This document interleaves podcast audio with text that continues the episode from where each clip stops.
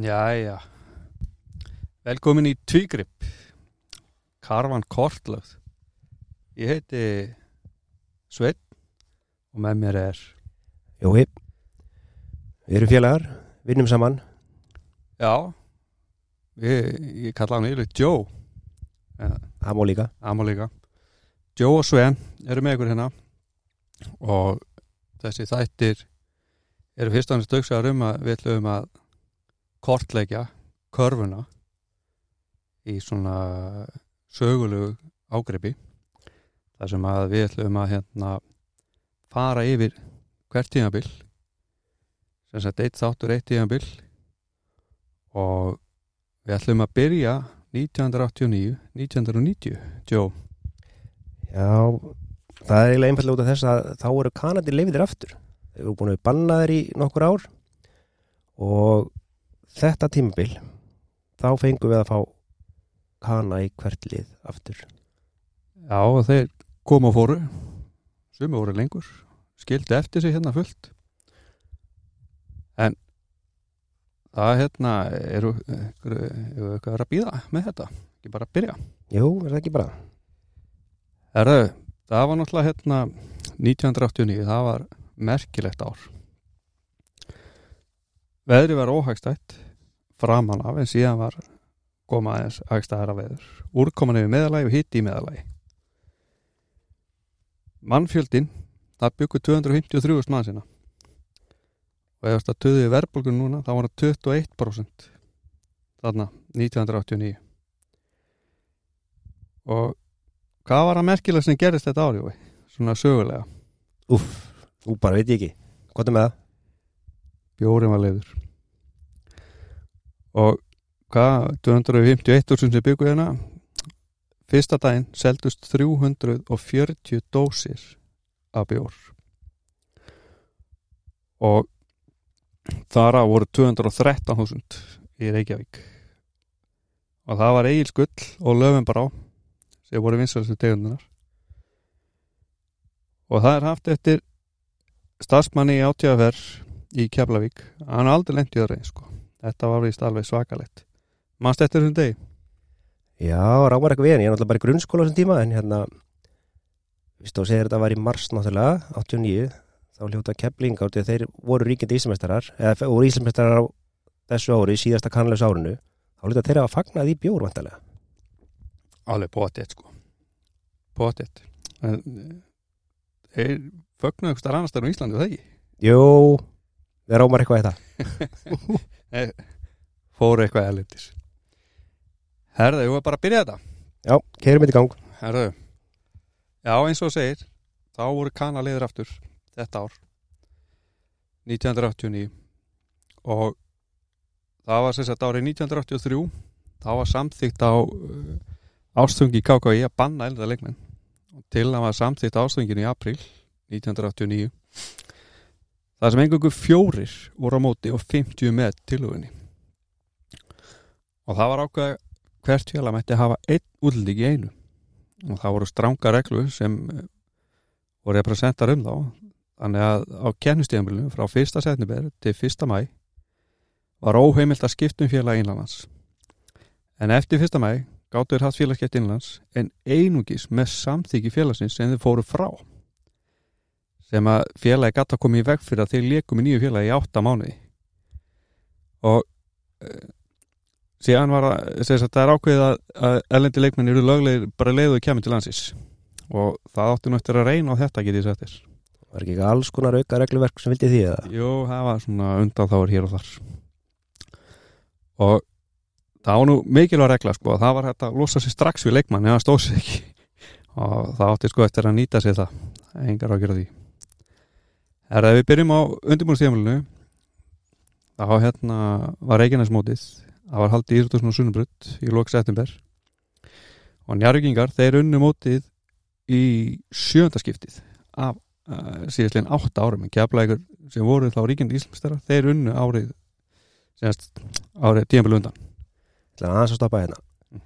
og þegar við tölum náttúrulega um Keflavík.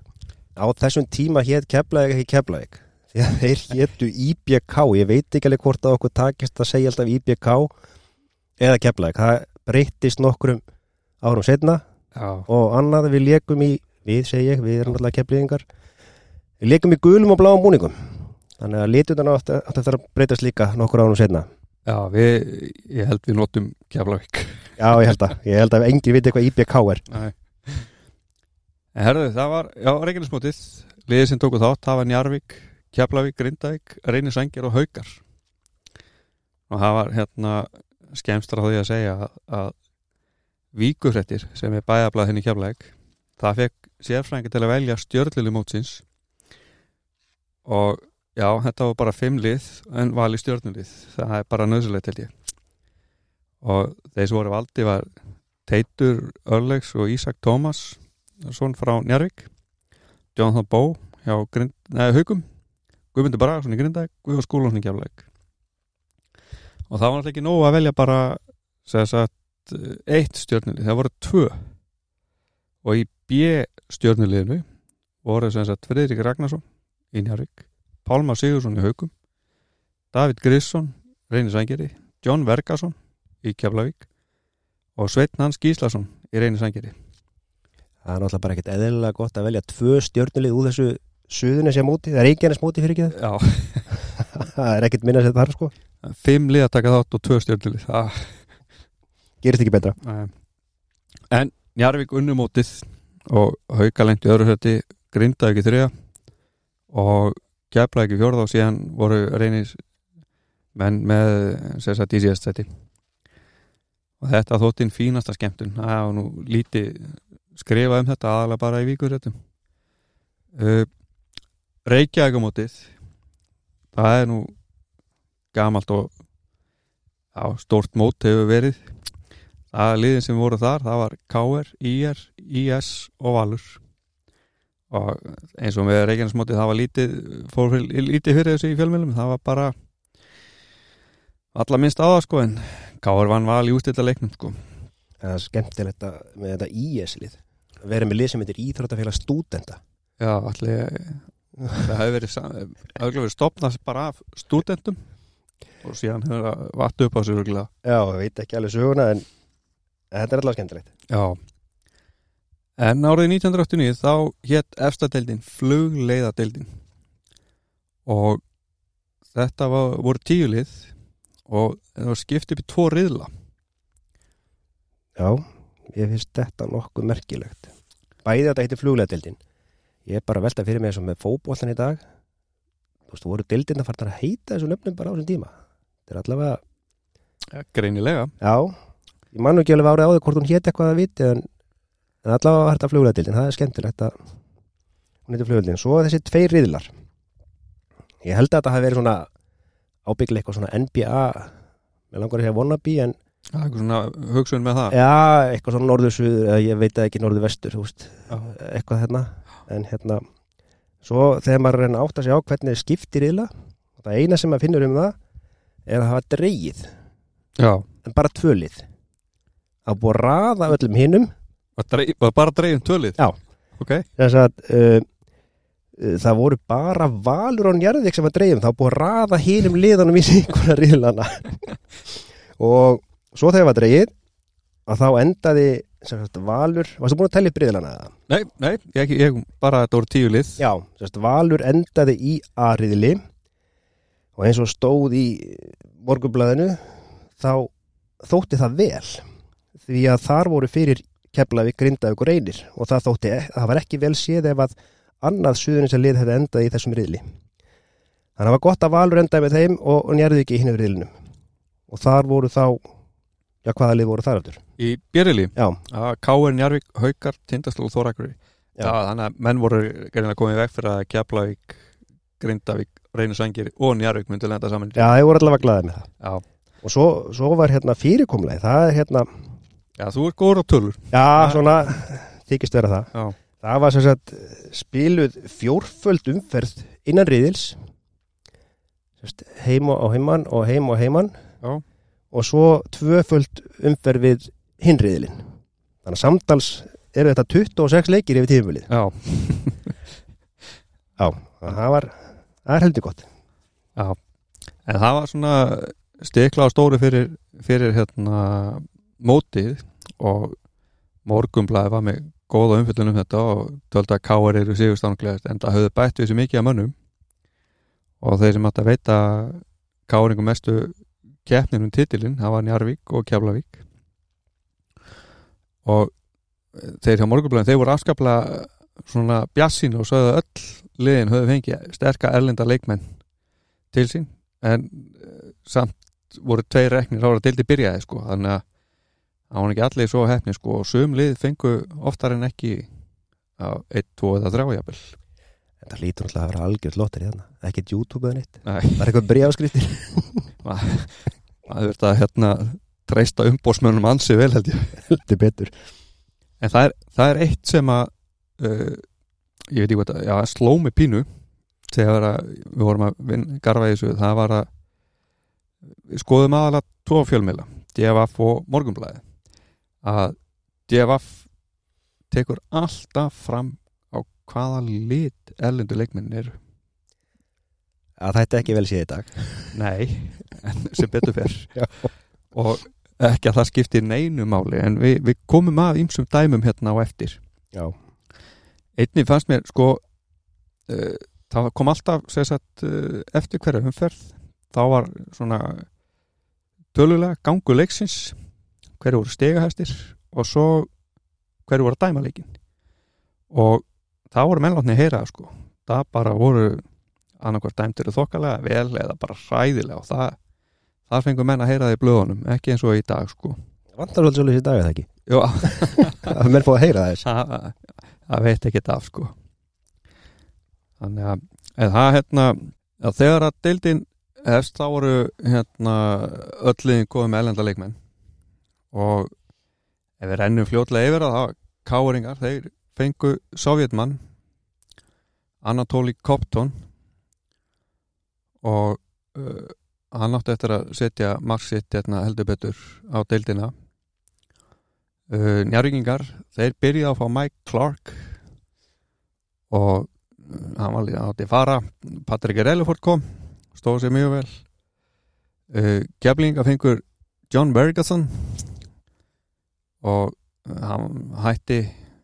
Og síðan kom Sandy Anderson sem var hans í skröðlegur Grindvingar, þeir voru frekar óhefnir þeir fengu Jeff Null til að vera með Ron Davids og síðan Darren Folks þannig að þeir voru frekar óöfnir hann í grindækinni uh, allavega alltaf nú til að pinna einhvern til að skipta um leikmenn. Já, það virðist ekkert breytast. Nei. Haukarnir fengu John Honbo og síðan hann var bara, þeir fengu breytt elenda leikmann. Tindastól, þeir fengu James Lee hann spilaði fjóra leiki bara svo hann var farinn. Og Bo Hayden. Uh, Íringa fengu Tommy Lee og, og Valur fekk Chris Bernards. Þóra Akureyri fengu Dan Kennard og Reynisangeri fengu David Gresson það er samt skemmtilegt að segja frí með reyni sangiði sko. Það sést áður um tímpili hefst í júni þá kemur frétt um að það sé óviss hvort að reyni sangiði verði með kana og Sveit Gíslason það er ekki rétt um Jú, Sveinn Hans.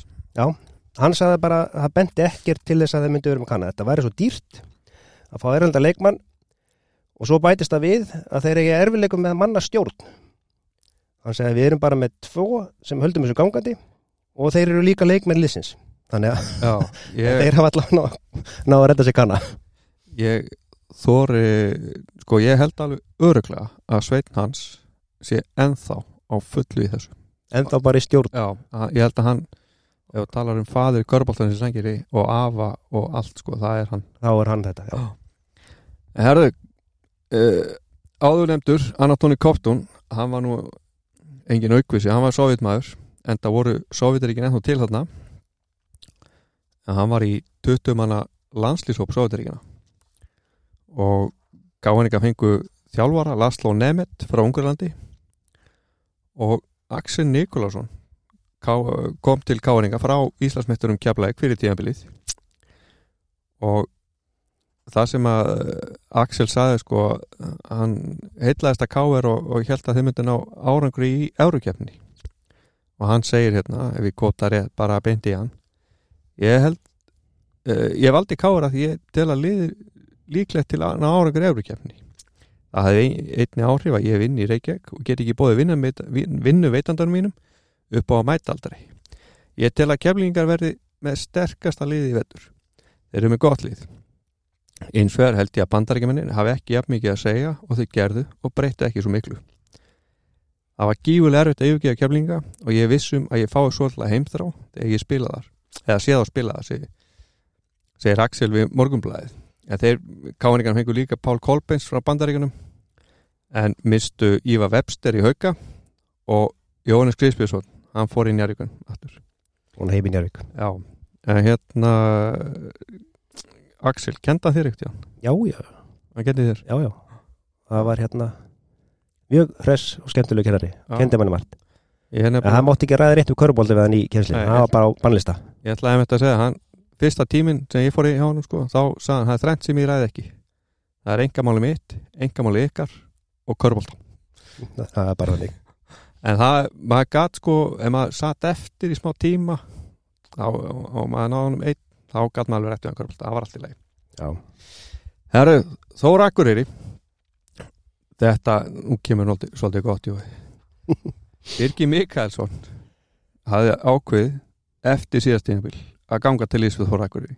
Og þegar að fram var komið meðan ágúst snerist honum hugur og hætti við að fara norður. Ég- Ég kóta beint hérna sko í, í einn. Þetta er, ég satt furðuleg framkomi hjá Birgir. Og þetta er reyndar fjórða ári í röð sem Birgir hætti við á síðu stundu. Já Býtu, býtu, fjóruðar röð sem hann hætta við Þór Akureyri? Já. hann, hann segast er búin að lofa síðustu fjögur tímabil að koma norður.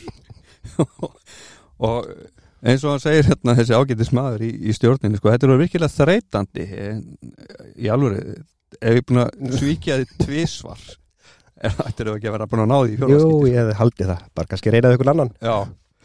Já, hann er reynilega búin að draga okkur aðsnæðurum í allt sumar. Hann er búin að gefa út yfirlýsingum að kæmi og fyrir þrejum vikum voru félagskiptin einungis formsatrið að hann sögn, segja satt Birgis. Og í gerðkvöldi tilgjörn okkur að hann var búin að ákveða að vera áfram í káir, sagði Einar Viðarsson, stjórnamaður Körnarlind Þórs við DFF. Og Einar heldur áfram. Birgir talaði við okkur að fyrra bræði vetur og sagðist vilja koma norður. Hann sagðist vera óana með þjálfararinn á káir og vildi breyta til. Við tókum hann auðvitað alvarlega, en það voru greinlega mistök. Uh, já, og í gerkvöldi gaf Birgir þá afsökun að það voru mikill söknur yfir að káir og allt í þeim dúr það er allavega örugt að næst þegar það ringir þá munum við hlæja á Einar Næst að hann ringir hann sé að suðum að fara norður greinilega Já, en þó svar að þeir fengu nú hérna þeir fengu Jón Örn Guðmundsson frá IR og hann hafi verið líkilmaður IR síðastlegin ár. Já, í byrjun september letuð þó svar að þjálfaran Brian Hagwood fara. Þeir töpu illa fyrir tindastóli hefingaleik og voru leikmenn sammálum að láta fara. Hagwood hafi komið til reynslu en engi samningu gerði við hann þannig að það var auðvöld þegar þó svar að láta fara bara Þannig að um miðan september þá fengu þósara Dan Kennard sem þjálfara leikmann. Þeir töldu sér mjög að ná í Dan en, en hann hafði sami við liði í Mexiko en félagi ekki staði við sitt og þósara nældi í hann sko. Og njárvíkingar þeir reyðu Mike Clark sem leikmann og þjálfara. Þetta var svolítið algengt þarna að útlendingarnir komið bæði sem leikmann og þjálfarar. var þetta ekki svolítið bara sparnaðar aðri Það að reyna Alveg örglega sko og, og þeir voru yfirleitt mjög ungir sko þegar komu en Mike þessi sem að njörgingum fengu hann spilaði í Ísrael, Ítali og Sviss á hann kom til njörg og ekki nóg með það hversu oft þetta er búin að heyra þetta? Hann var í æfingabúðum hjá Lakers í tvö ár og Chicago Bulls í eitt ár. Þeir eru nokkur sem hafa verið þarna í einhverjum æfingabúðum í NBA liðunum. Já, en það er ástæði fyrir eru hér. Já, já, það er alltaf svo leiðis Gunni Garðar uh, forma Körnlæs ráðun Jörgur hann sagði þegar hann mætti hérna það er mjög ánægilegt að þetta mál sé komið í höfn. Við bindum mikla vonum við Clark og erum bjassinn að ná góðum árangrum í lið jafn sem þjálfari og leikmann. Hann kemur til landsins um miðan ágúst. En þetta var stuð stopp hjá Mike. Hann var látið vara mánuðu setna og þá eh, kom Gunni aftur í blöðun og sagði Mike stóð sig ekki nógu vel hvorki sem þjálfari eða sem leikmaður og við letum að fara. Við höfum áhuga að fá til okkar annan bandaríkjaman og erum hann að leita fyrir okkur þannig vestra en Gunni Þorvarar uh, tók tímabili við liðinu. Já, út af því að voru að reyka þjálfara og leikmann Já. akkurat. En eh, annars fengu njörgingar þeir þá hérna Jóhannes Skrippisson frá KR og Ástór Ingarsson frá Grindavík. Já, hann kom aftur heim. Já. uh, Grindvíkingar þeir eru til sín spilandi þjálfara Surprise. Já. Dennis Matassa Já, eitthvað svo leis En hann hafði þjálfað og spilaði Luxemburg á síðast ári. Aðri komu ekki til Grindavík þetta árið og Ástór fór bara heiminjarík eins og það kom fram. Uh, Keflingar þeir fengur risa til sín fyrir tíðanbilið uh, John Vergason 2012 uh, 2000, nei, Ekki 2012, vandilega Já Herra, hann, 212 cm var hann ekki 2012 Betra. Og DFF tók fram að hann var hvítur og lit Eðlilega að gera það. Já, já. Uh, Keflingar, þeir mistu heldur betur stóra pósta. Jón K.R. Gíslason hann fór til Danmörkur að þjálfa CSU og Axel Nikolásson fór í K.R. og það var bara mikið verið að velta fyrir hvort að Óla Gottskálskon ætlaði að spila með kefleik þetta tíðanbíl en hann var landslýsmarkmaður í knasputnu og spilaði með ía. En svo fór að, að Óli spilaði fjóra leiki með kefleik þetta tíðanbíl sem að þegar maður, fyrir að pæli ég veit ekki hvað hvað Lars Lagerbäck hefur sagt ef að Hannes Aldarsson ætlaði að keppi í handbólta Mm, Ég held að það hefði ekki verið eins sjálf sko. Ha. hver kemur heim? Týndisónur til keflægur Guðbrandur Stefáns hann kom frá tindastól. Ásamt uh, þremur leikmennum kom allir frá Ameríku. Skúli Skúlason Július Freyriksson og Ingólu Haraldsson.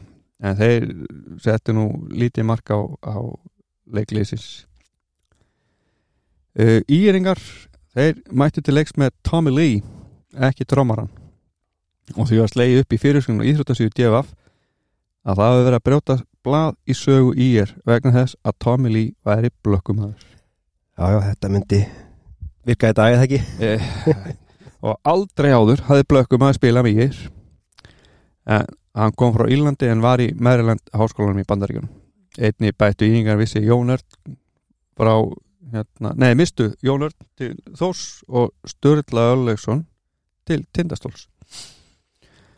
Uh, Haukar þeir voru með spilandi þjálfara en hann var ekki elendur Pálmar Sigursson og einnig kom Ívar Webster frá Káar Jonathan Bow kom fyrir tíðabilið en Bow var í var í hérna, Indiana Purdue háskólanum í Bandaríkunum og jú, Bow var hvítur.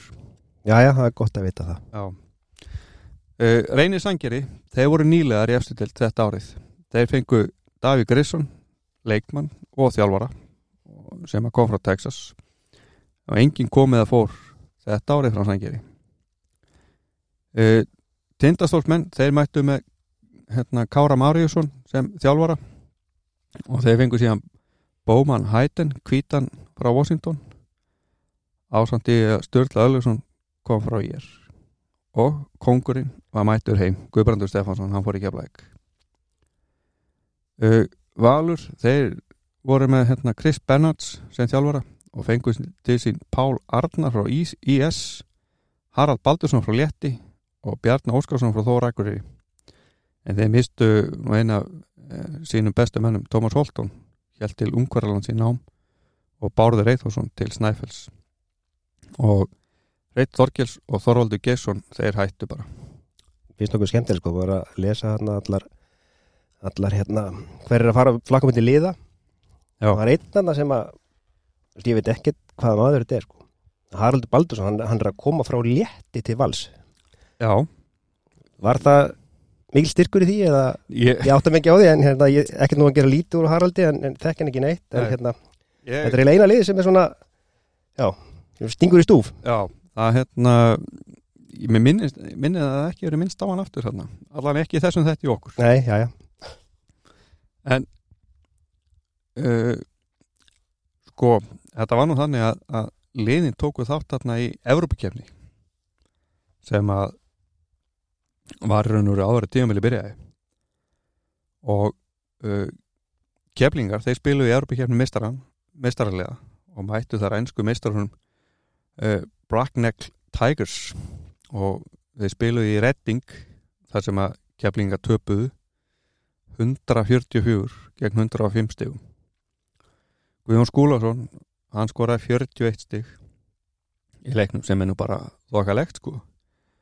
En leikurinn tapaðist eiginlega þarna í fyrirháleik þegar að voru sjömyndir eftir þá fekk John Vergason þjálfara leikmaður keflingar sinni þriði villu. Þá hefði hann vantarlega farið bara á bekkin og þá settu Tigers 41 stig gegn 6 það sem eftir liðið á háleiknum en uh, stundum við vinnu hjá okkur og þá erum við svona að gera grína handbóltan svona reglunum þar.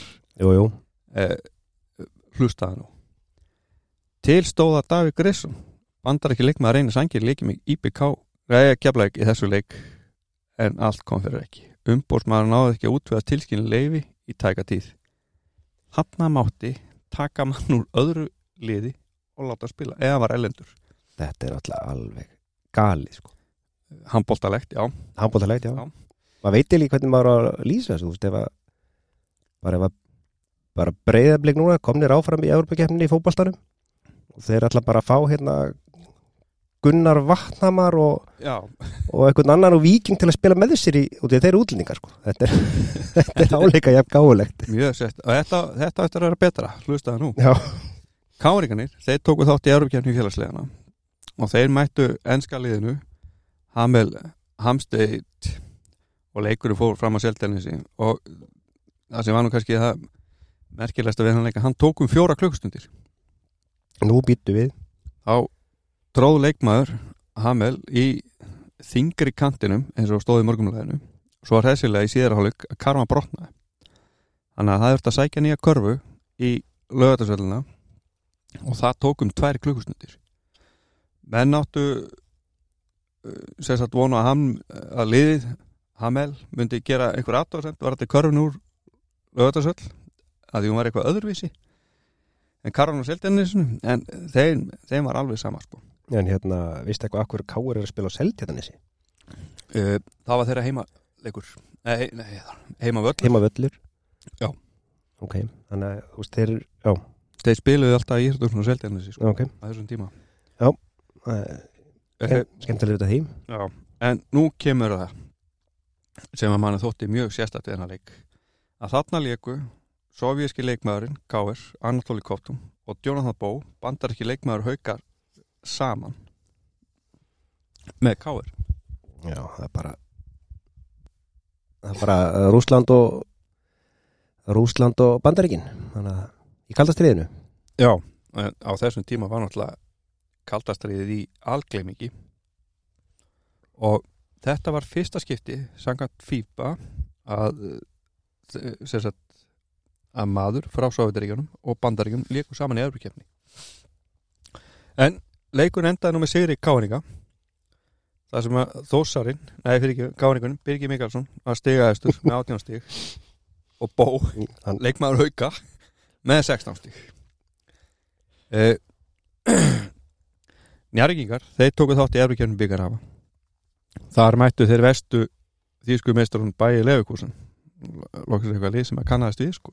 já, en þeir töpuðu leiknum illa 81-112 og Teitur Öllis var langstegahæstur með 23 stík og Helgi nokkur Rapsson með 13 og það var nú uh, fréttnæmt að Helgi Raps hafa unni uppkastið gegn leikmann Leifkursin sem var 220 cm hæð. En það var engin erlendir leikmaður Njarvík, með, sem, engin erlendir leikmaður sem leik með njárvíkinn með þessu leik sko. því að þeir höfðu reiki hann að Mike Clark skömmu fyrir leikin og þeir ætlu að reyna að fá Tommy Lee erlenda leikmann í er til að hjálpa sér en tími var á naumur fyrir njárvíkinga já, þannig að já. en En, má, en, en máttu þeir ekki þá fá kannski bara tvo leikminn frá Íslandsku liðum eða? uh, Já, maður veit það ekki. En þú mátti nota, maður gast fengið lána erflenda leikmennina. Já, ég er að segja, ef erum búin að reka sinn, hvort þeir hefðu kannski mátt fá bara Já, tvo. já, einn úr keflaðið og einn úr grindaðið, ég veit ekki. Það eru mjög sérstakar reglur. Já, en í lefikúsin það, þeir hérna spiluðu mjög vel og það voru sko, það eru fimm landslýsmenn Vestu Þísklands tveir bandaríkjumenn og eitt landsinsmaður Englands í liðinu sko. þannig að þeir áttu svo sem aldrei áttu aldrei möguleika sko. Engi lánaði frá, frá vinnafélaginu þeirra engi lánaði það sko Herðu, þá eru bara komnið fram í oktober og uh, ef við ekki að tala um sponsana hérna hjá okkur, hvernig er það? Hver er að sponsa hérna þátt hjá okkur? Okkar meira Pattís Pattís er náttúrulega staður þar sem ég getur farið að horfa á allar íþróttir Já. og fá sér kannski eina kollu með og jafnvel að henda í, í töfratæpi á milli og getur ekki sagt að Pattís er staður þar sem að hvað, töfrarni gerast? Er, er hann að gerast, jú, jú. Já, allan að einn vinnur okkar sem finnst það sko. Þannig að Pattís er staðurinn að endilega kíkja þangað og horfa á íþróttunar og við erum með hérna við erum að með litla brugghúsið. Þeir hérna sjáum litlu málin hjá okkur í þessu þætti. Og þeir eru staðsettur út í gardi uh, já voru með einhverjum fleiri, nei, Nei, ég er ekki bara endilega í litla brugus þetta er rosalega krútlilt og flott og hægt að fá hérna kynningar á starfseminni og bara mjög smart staður. Já, getum fengið að smaka. Gott ölarna, já, mjög fínir bjórar. 2,25% Já, það sjálfsögðu. Herðu, deildin hún byrjaði á leik hauka og njárginga og sem er nú bara svona ekkert merkilegt nema hvað leiktímin Jú, býttu, ég ætla nú bara að byrja leikin bara hérna ætla þú að taka það? Uh, með fyrstu kurvina eða ætla fast að taka leiktíman já, leiktímin, mér finnst það klukkan ok. tvö á lögadegi Já, ok, bara enski boltinn. Já, mér, mér finnst það svolítið sérsta sko, klukkan tvö á lögadegi Ok, En hvað segir með fyrstu karl? fyrstu kurvina, Teitur skoraði fyrstu kurvina með tróðslu það sem að mér þykir svona skemmtilegt við það því að sama dag og deildin byrjar þá kemur í morgunblæðinu mynd af Jonathan Bó í K.R. að tróða í Evrópumleik með K.R. Já. og þar stendur bara fyrir neða myndina bara tróðið og upprópunumerki Mm. og svo stendur fyrir neðan Jonathan Bó treður fyrir K.R. í Evrópukefninni langt er síðan að slík tilþrif hafa sérst í íslensku korfunhalleg Já, og svo bara byrja teitur á að tróða það er eins og enginn að fyrir tróðin ef maður fyrir kanandi kombi Nei. að hann átti fyrstu koruna með tróðslu en hann átti nú eftir að ekki bara setja þess einu tróðslu sko, hann setti 25 stig. Svo önnur úslit sko var hann að Grindæk vann val og, og þjálfari á Grindæk Denís, hann var bara hendi í styrtu sko. Og var alls ekki ánæði með þetta. Uh, maður nú sjá Káringar, þeir sigruðu Þór Akureyri þar sem að Axel Nikolásson hann var stegastur og síðan var að við hæfi að nýlegar reynir sangiri fengu Íslandsmeistarana og nákvæmlega Keflinga Heimsson í fyrsta leikin eftir deild. En þar sóttu hérna, Keflingar að öðvölda sigur Já, það er rétt. Ég langar líka aftur að vitni í morgunblæði bara, bara á þessum leik, þetta var svolítið fyndið þannig Það stendur sko eh, Ljóst er að sandgeringar eiga erfitt verkefni fyrir höndum en lið er að mestu skipað ungum og óreindum leikmunum á samt nokkurum eldri sem hafðu gefist upp hjá Keflavík og Njarvík Svo kemur í lokin. Já, ok. Og greinilega mátti sjá að einstakar leikmenn þyrftu að ná að sér nokkrum aukakílóum. Þannig að þetta er bara sett í blöðin. Bara, bara komið ykkur í gang Já, þetta er grjótart maður. Já, Já, hvað getur maður sagt? Ná að sér nokkrum aukakílóum. Herðu fljótlega eftir sko, við ætlum ekki að taka hvert leik fyrir sig. Nei, nú fyrir að fara að hraða yfir þetta ekki? Já, og svo bara kíkjum á stöðuna Já. hvernig þetta lítur út eftir eftir fimm leikið og tíu leikið og eitthvað svo leið sko. við bara látum þetta ráðast en njárringingar, þeim mættu lefukúsin aftur í vestu Þísklandi hann í byrjun oktober og þeir töpu 70, 104-74 og það var að brattan að sækja alla leikin og enn og aftur þeir voru ekki með með ellenda leikmann Ekki neitt leikmenn í þessu eða? ekki neitt Nei. ellendan þannig að hann var ekki komið til landsins hann, samt hérna sko Gunni Þorvar þjálfari, hann var bara nokkuð ánað með leikin áttu góða kapla, sérstaklega í fyrra áleik og ef ekki lendi svo miklu villuvandræðum hefði leikur hún jafnari. En samt segir hann að við hittum ekki nægilega vel enda óvinnu stóri leikmenn fyrir framann okkur. Já, og þar með voru þeir dotnir út úr Eurókefni Eurókefni byggarhafa í körfu. Sko, síðan á njárgingar hérna samkomulega við bandaríska leikmannin Patrik Reilford sem átt að koma til í, uh, á reynsli nokkra dama. Og hann var nú hérna að spilaði Argentínu í, í fjögur ára ára kemur sko. Uh, ég er bara enda að velta fyrir mig hvernig það fyrir fram. Þú veist Internetið er eins og komið sko. Veist, bara hvernig finna mann sem er bandar ekki mann sem er að spila í Argentínu verður til að koma á reynsli Já, ég, er það eitthvað að segja ykkur þetta. Senda okkur á post og segja ykkur hvernig þetta fór fram. Já, það, við þurfum að fá að heyra það sko. En káringarna þeir, þeir náðu að komast annað í hérna, komast í aðra umferð í Eurokjæmni í körunni og það var í annað sinn sem slítaði ekki sko, en Íringar komust í aðra umferð 1964 það er nú aðeins úr okkar tíð. Jú, jú, og uh, en káringarna unnu hann að enska liði Royals í London og unnu 60-65 og Guðni Guðna fyrirlegi káður á þessu tíma, hann var í sjönda heimni sko. breytanir voru ekki sérstakir en bandargemenn í liði þeirra voru mjög góður Líkilinn að signu að fyrst og finnst góðu varnalegur nú var ég gaman að hafa virkilega stertli í næstu umfyrð Óskali í næstu umfyrð er Real Madrid. Það er ekkert minna. Nei. og eh, enn og aftur var leikmaður Hauka Jonathan Bó stigast með 20 stig. Alltaf er lett við það. Eh, Þetta var eh, gekk ekki snöðurlust fyrir sig. Laslo Nemeth, hann lendi vandræði með að koma með liðinu og hann gæti ekki komið fyrir klukkan fjögur á leikti Leik, leikur var klukkan átta en kvöldi þannig að hann náði nú ekkert að stýra liðinu hann úti sko á æfingum. Er eitthvað við, veistu eitthvað okkur komst ekki? Já, var eitthvað með, eitthvað með vegabrið Vegabress eitthvað vesen á honum Já, Guðni, Guðna, hon- honum var ekki ósk sinna að fá Real Madrid í anfæri þeir fengu káninga dróðis gegn franska liðinu Orenz sem að hafði tvissum orðið öðrumestur á þessum tímabili. Eða þessum tíma svona. Og káningar ákveða að leika báðaleikinu Fraklandi vegna kostnaðar. Og það þýtti allir kostnaður káninga við leikin var greittur á franska liðinu.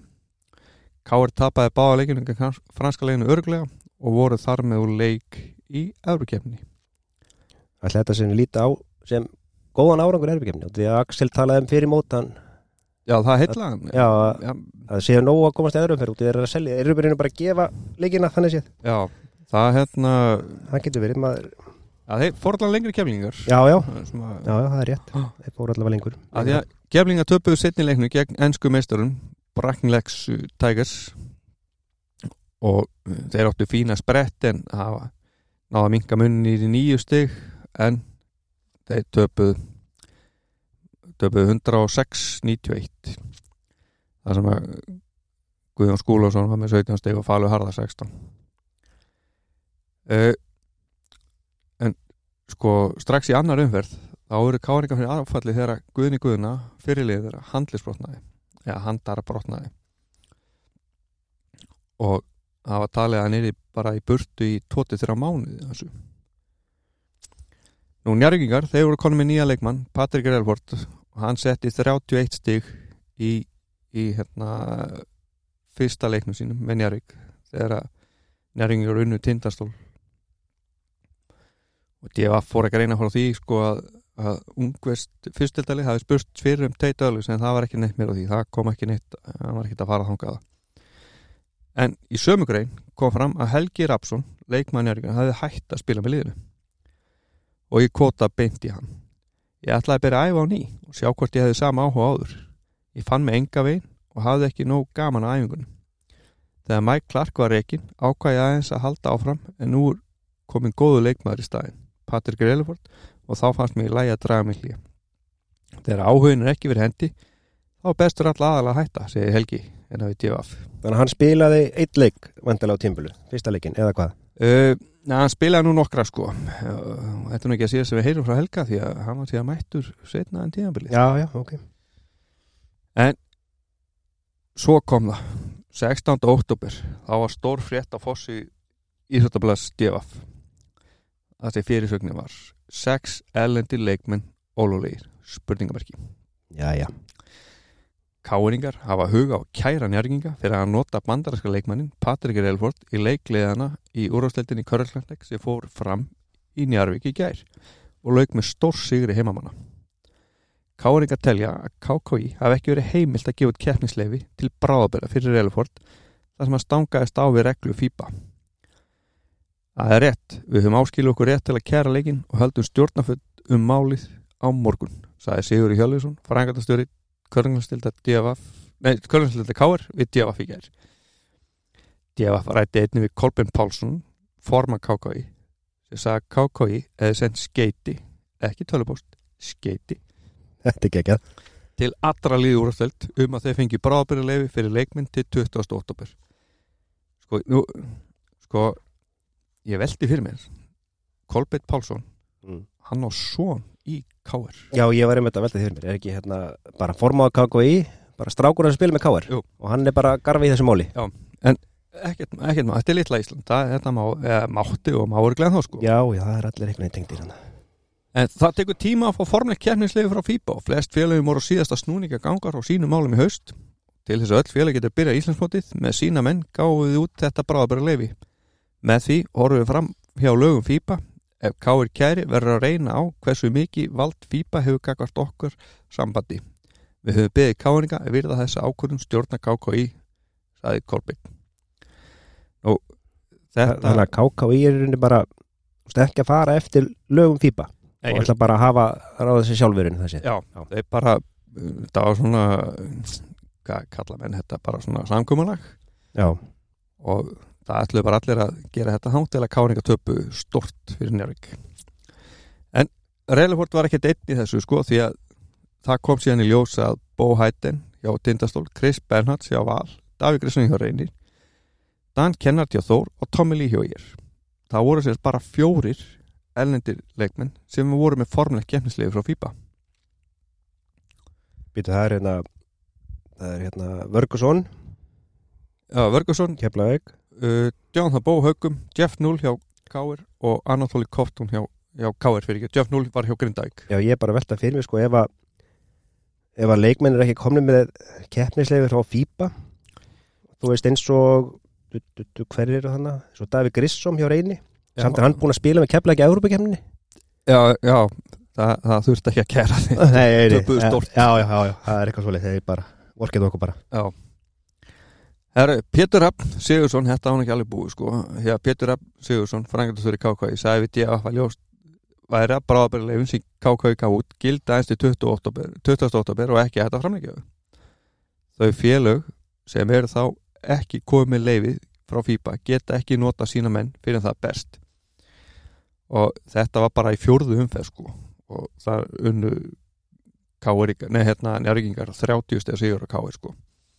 og það er hérna munaði nú um að káringa voru ekki með Guðna Guðna sem var með handabrotnar og Axel Nikolásson sem var meittur Já, það munið það. En káringar hérna ákveðum síðan daginn eftir að ekkert að kæra og aðhafast í þessu. Og, og hérna þannig að þetta nú svona koma bara fjarað út svona næstu því. Ekki alveg samt eða? Nei, því að sko menn, þetta var til 20. oktober menn græjuð þetta síðan 21. og KKI var ekki nógu ánægt með hérna, félögin og vinnubröðum þeirra og þeir bara voru ekki löglegir þannig að, að hérna en 21. oktober þá voru öll liðin komið með þetta hreint nema eitt Nú, hverju voru það? það er eini sangiri það var eitthvað vesen þar en, en það rettaði síðan. Þeir hann slefti, tók, eh, tók ekki þátt í einhverju leikjum hérna og, og hann hérna er náttúrulega töpuð nánast öllu leikjum sko þannig að það var bara hitt mál. Já, það var enginn að spá í, spá í því Kæri eða eitthvað, bara þetta sko 17. oktober þá kom frétt að, að hérna, John Vergásson hefði hætt starfi hjá IBK nei fyrir ekki Keflavík bæði sér leikmaður og þjálfari. Og ástæðan var að hann treysti sér ekki að halda áhrifin félaginu Vergásson hafi ekki fundist að við rétt að starfinu en það hafði litla sem enga reynslu sem þjálfara.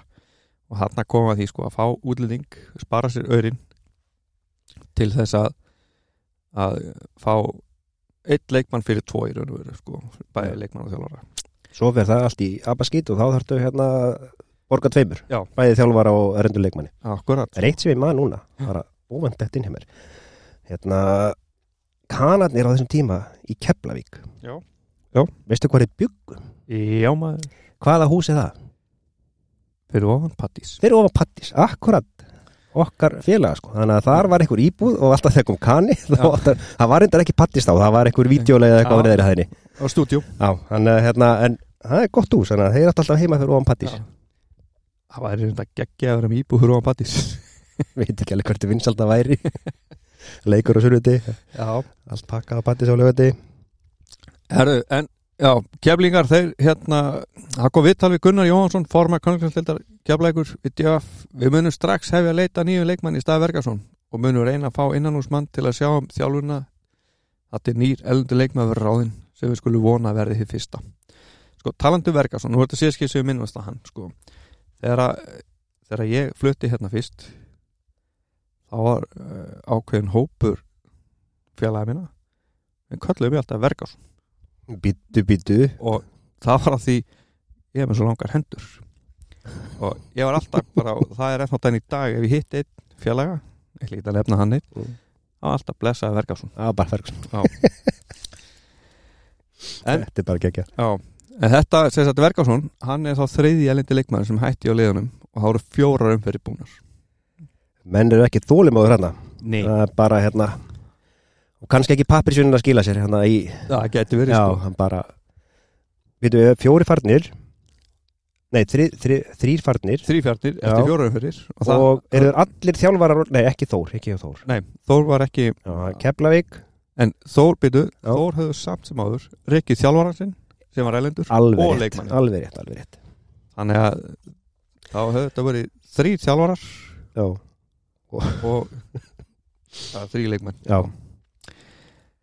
herðu nú hérna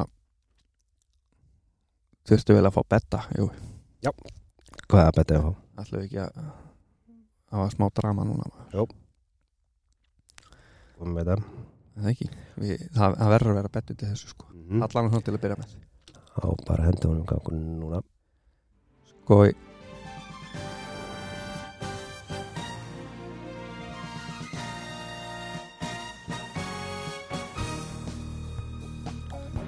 Þetta er svo ekki lag sko. Herðu Í loku oktober á tók Valur Ingemyndarsson aftur við þjálfum tindastól eftir að hann þjálfa liðið árið áður en ætlaði engungu að einbytta sér að spila með sko þetta árið. Kári Mariusson hafi verið reikið frá tindastól sem þjálfari en stjórnin vildi halda Kára áfram sem leikmanni. En hann hætti eh, tók það ekki mál og hætti bara með liðinu sko Heðlilega, viljum bara reka þessum Þjálfarinn vildu spila áfram? Já. En svo komaði sterkir inn hjá DFF sko. Þeir rættu við Kára. Og ég kóta hennar bara beint í Kára sko. Það er rétt, ég hafa sagt upp störfur við fyrirkvöld þetta komið mjög óvart. Ég held ég geti ég held að það geti ekki að gerst á asnalegri tíma. Allt sem ég vil segja um þetta mál á þessu stíði, sagði Kári og honum var sem sagt sagt upp eh, eitt mánundaskvöldið eftir eh, æfingu hjá Tindastól. Og hann sem sagt það er val í lið sem að hérna eh, átt að leika gegn val í næstu umferð. Fór Kári í Veslun á Söðakröki og kefti sér hambúrgara og góstrykk ok, stoppum aðeins. Þú ert þjálfari og leikmaður. Og þú ert bara að fá þér hambúrgar og kók eftir æfingu, en ekkert mál árangak já þetta var kannski aðeins aðri tímar en dag en, en allt er góðu. Og meðan hann er að gæða sér að þessum hambúrgara og góstrykk á planinu fyrir utan vesluna kom til hans einna stjórnamannu körgnastilda tindastól og tilkynnt honum að það er búið að reka hann. Já, allan hefur staðið í honum hambúrgara já ég var að hugsa það borgarna hafi smakast eftir þetta En það var náttúrulega ekki allir sáttu við þessu ákvörðun og heimildam að DFF á Söðugriki sem þekkir vel til körbóltans á Söðugriki saði samtali við DFF í gær Ég trúi ekki að þetta hafi gæst Kári hefur verið hér á kroknum í 11-12 ár og öðru fremur heiðuna þeirri mikilli framþóru sem átt hefur sér stað í körglingum síðustu árum. Hann er og verður faði körglings hér. Menn hér á kroknum trúa þessu ekki ennþá. Þetta er algjörn neyksli, reynd ótrúlega framkomið Kára. Og sko þegar maður er búin að gera upp á bak þá lætur maður ekki nást í sig sko. Og það er nákvæmlega sem að forma körglings þetta tindastul gerði. Það er nú auðveldur að þá dag heldur í dag. Já, en þegar þarna er komið í sögu þá er Tindastól búið að spila fimm leiki, tapa þreim og vinna tvo. Og voru í neðsta sæti í byrjili sko. Já. en svo loksist náðist í mannin formannin þar að segja. Og hann segir hérna í DF það er mikil eining hér á söðunis nei, það er mikil eining hér á söðukröki að víkja kára frá störum algjör eining hjá leikmönnum stjórnkvöldurstildar og bæjabúum öllum. Já, hérna hér, það bara fundið með öllum minnum að kára. Já.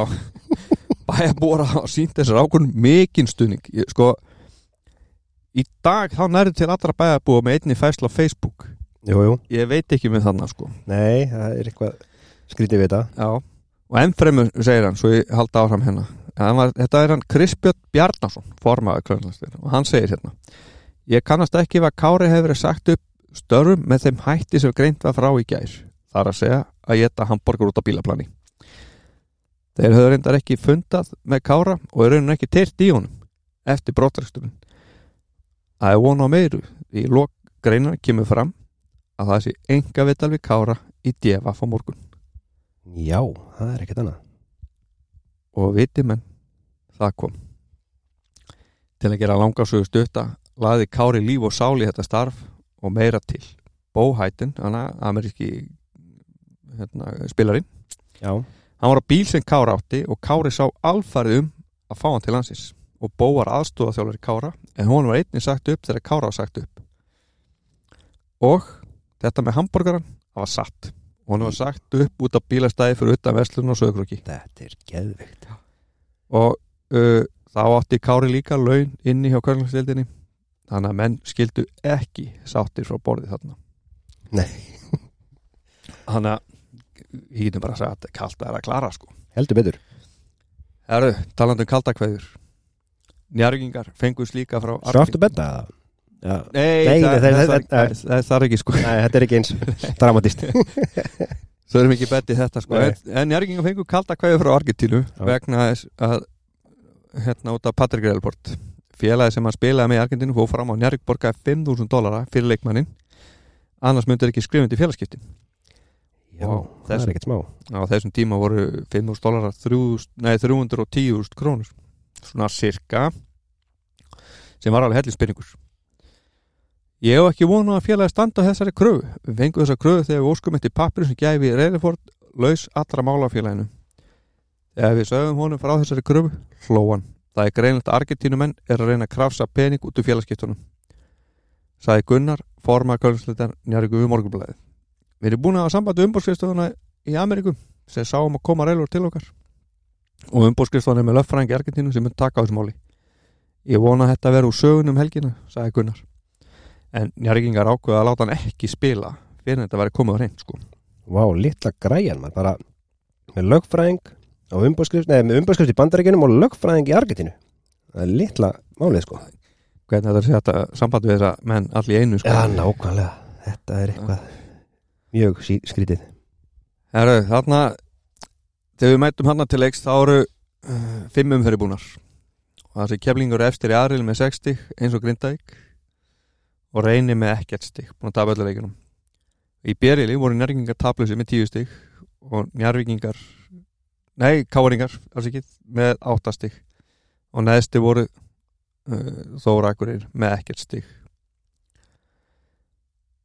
Uh, keflingar þeir mættu með nýjan bandaríkjaman Kenny Matthews sem var ráðin þjálfari og leikmaður í staðin fyrir John Vergarsson Tveir fyrir einn, akkurat. Sem að hætti hana vikun undan og sama dag og þetta kemur þá er Patrik Elvard orðið löglugur með Njarvík komið alltaf reynd hann hafði ekki spilað mútið reynir sængiri en það skipti engum máli. Þeir töpuðu reynir. Já. Þeir voru ekkert rosalega góður hann reynismennir Allir sé búin að ná þessar aukakílónum hann að ég, ég veit það ekki. Að spila sér fórum? Það gæti verið. En það var ekki allt búið fyrir norðan sko. það kom yfirlýsing frá hérna Körlingstil Tindastól um bráttræstu kára það sem að þeir hérna harma stjórnin harmar þau eftirmála á uppsögninni sem er að finnast í fjölmjölum og finnst það villandi. Einni finnst þeim leitt hvernig staði var að bráttræstum sem sagt á bílaflögnu með hambúrgar Já, eh, ég hef bara veltað fyrir mig þessum brottarsti komuðu eitthvað inn á það var það bara einn maður að reka hann eða var bara stjórnin með bílaplaninu eða það bara rakst ekkur á hann Já, þeir, ok, allir þeir hafa ekki tekið fund ákveð þetta já, og svo allir að verið höskuldur sem hefur reykja já, það er spurning. Höskulda viðrun Já, það, þeim fórst það mjög leðilegt en það, Kári er búin að leggja líf og sáli þetta hann sko. Ég renn já, og gerir enn sko. Já, síðan þegar Kári Grindæk áttust við í, á Seldjarnesi þá var nú leiðindur aðeins sem að þar þegar að Jón Bendir annar dómara leiksins slegin utanundir að leikloknum sko. Og Jón segir hérna þegar koma rittarborinn strax eftir leikin var rifið í öxlinn á mér og ég slegin utanundir segir Jón Bendir um atvikið við morgunblæðið það er orðið hart ef maður kemst ekki í gegnum leik á þess að vera fyrir líkansárás það má segja skömmunni skári að fá blótsirnuna yfir sig ég hef dæmt í úrstættinu þrjú ár og aldrei orðið fyrir líkansárás ég þekkti mann ekki neitt sem að landi mig. En held þú hann að vera úr Grindavík sagði Jón. En máli var kjart í KKI og leikun endaði með sigri Káringa 79-63 og Grindíka voru mjög ósvartir við dómarana. Og Morgubla nefndi það nú að dómaranir Átni Freyr og, og Jón Bendir réð ekkert við sagan í leiknum frekar en margir leikmenn, hann er leikun hefur ekkert verið sérstakur held ég sko. Ég er samt merkild hérna, hann, hann segir sko, að Ok, hann var lamin sem hann á ekki að gera sko, en hérna, þessi skömminni skar á að blótsýðina er ekki, er ekki dómar í dag að hætt út af blótsýðinni eða? Jú, Er það ekki málið það? Þeir eru honum viðkvæmari voru Já, ég held að það sé eitthvað svo liðir En það er hérna leifi fyrir ennenda leikmenn. Það er ekki að það búið. Nei, ja, bara loka oktober að Davíð Grisson ekki enn fengi leifi frá FIBA til að leika á Íslandi. Hann var eini útlendingur sem er ekki komið kefnisleifi og við erum marg oft búin að hafa samband við umbúrsmann Grisson í Ameríku um að ganga frá þessum málum en ekkert gengur. Það er slæmt fyrir okkur sérstaklega þar sem við eigum mikilvæg leik gegn Þóra Akureyri sundaginn, það er Sveitn Hans Gíslason formaða kvörðmennstill reynis við morgunblæðið en Grisson spilaði leikin gegn Jarek sem tapaðist á þess að vera komið með leifi frá FIBA sko. og það bara vita allir að því að hann er ekki með leifi leif honum bara spila og gera ekki neitt og þið tapa hvort rullu Já, það er, það er bara ekki eitthvað slið sko. En síðan er það 30. oktober þarna, alveg, alveg í loka oktober þar sem að keppnislifi kemur og hann er þá uh, loksis orðið löglegu með reyni sangeri þó að þessi komið fram í sjöttu umferð og hann er búin að taka þátt í Eurókefni já, um miðan nóvumber þetta finnst mér það sko ég veit ekki hvað þú stendur í stjörnuleikjum og eitthvað svona, eitthvað leikir þessum og þessum, Ómar Ragnarsson og félaga sko. Þetta er eins og ég sagði, ég er alveg í byrjuð þáttar hérna saman til riðilana. Ég held að það sé svona eitthvað að við erum að horfa á NBA og reyna að gera eitthvað svona mini-NBA hérna á Íslandi Já. sem er ekki alveg að gera þess samt.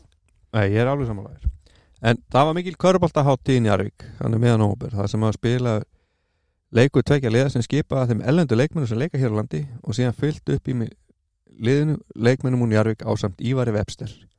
Og í hálfing ætlaði síðan sérfræðingar í tróðslu að taka þátt í tróðslukefni og þetta var meðan að íslenska landslið var í ykkur í að það er að spila ykkur að þrá leiki hérna í, við ykkur háskólalið.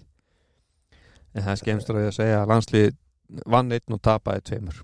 Er þetta ekki svolítið merkjald að á þessum tíma allavega Ísland landsliði sé í bandaríkjum að spila við háskóli það er þetta tellið sem landsleikur. Þessi spilan leik, fenguður hann bara skráðan eða? ég, ég veit það ekki. Ég, ég segi alltaf alla, ég og fjóra drengja landslýsnæfingar að baki sko, Já, en það er vegna að ég átti svo heima nált í þessum njárvík og það vanta einn mann mjög fljótt. Að og hóa í. Ferguson.